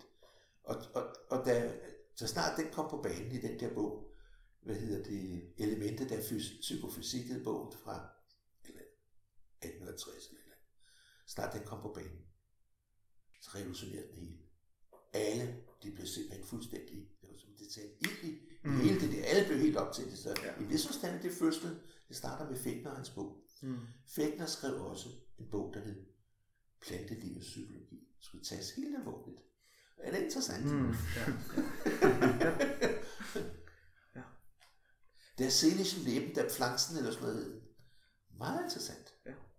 Du skriver også i den der Catching Up to Aristoteles, at, øh, at selv encellede organismer viser ting, der minder om sansning. Ja. Så hvis, hvis encellede organismer ja. kan gøre det... Ja. Øhm, Jamen det, igen, pointen er, at, at, at, at, at altså hvis, hvis vi udefra set ser, at de har det, der hedder taxis, ja. det vil sige, at de kan, de kan bevæge sig i relation til en gradient, ja. så må de kunne se forskellen på, hvordan gradienten er nu, og så gradienten er det mikrosekund, eller ja. eller andet, hvor længe det nu er. Ikke? Ja. Og lige præcis den forskel, det er det, som sansning kan. Ja. Ikke? Det er derfor, jeg knytter det sammen. Og så er det der, hvor du siger, at der må kobles en oplevelse til den. Eller ikke nødvendigvis en oplevelse. Nej, men jo. det, nej, ja, ja, ja, nej, jeg vil ikke sige, at den knytter sig til en oplevelse. For det lyder som om oplevelsen er noget andet. Mm. Den har den egenskab, som Nagel kalder, what is the like to be? Mm. Det, det er et egenskab, som det forbudte fænomen har, mm. og vi kan ikke forklare det. ja. Ja. Ikke? Hvorfor rødt rødt? Hvorfor gør? Hvad er det for noget? Hvorfor, så det er et aktion? Et, ja, det er ikke en aktion. Det, det er bare en kendskærning, at, at sådan er det, og vi har ikke vi skal ikke bevise det, for vi ved, det er sådan. Mm. Men, men vi vil være så venlige at forklare det, ikke også? Kan du se det? Ja, ja, og det ja, ja. kan vi pt. ikke. Nej, nej. Vi ved ikke men det skal forklare det. Nej. Er det ikke interessant? Jo, jo. Det er da sjovt. Jo, jo. Det, det, og det er helt nede i bunden, ikke? Altså, jo, jo. Spændende. Ja, det er faktisk spændende. Ja, ja. Men det er ikke almindelig psykologi. Nej, nej, nej. Det er godt lige at få. der er også andre spændende ting end... Ja, ja. ja. ja. Men man kunne måske sige, at en almindelig psykologisk tænkning genererer det her problem. Mm. Fordi hvis der er den rækkefølge, hvad så med? Ikke? Mm, ja. Så det efterlader interessante problemer, som man ikke kan løse. Ja. Men øh, ja, hvis der er nogen, der er interesseret i dine tekster, så er der en hjemmeside, hvor ja, de kan finde ja, på, ja, ikke sandt? Ja, det er der. Og Al, det var... Alle mine tekster, alle mine tekster, undtagen den der sindssygt dyre fra Springer, det koster en million. Men det er jo så problemet med... Ja. Det... De kan få, dem kan man downloade gratis eller se på, på, på den her hjemmeside. Og også Jens Mams. Ja. Og hjemmesiden lyder sådan her. Skal jeg sige den højt, så du kan høre den på? på? Ja, det må du gerne. Eller sætter I noter på? Det gør Vi vi, sætter også lidt Nå, noter. men hvad, der kan, hvis man går ind på general-psychology.dk, så er min ven, Magnus Dahl fra RUK, han har organiseret en hjemmeside, hvor alle vores tekster, hjemmeside som min, kan ses og downloades gratis. Det er jo et tilbud, man ikke kan sige nej til. Så er det jo bare i gang med læsningen. Så er det i gang med læsningen. Ja, det kan ikke ske for tid. Det har i hvert fald været super, super spændende. Ja, det har været, det har været sjovt. Tak fordi I inviterede.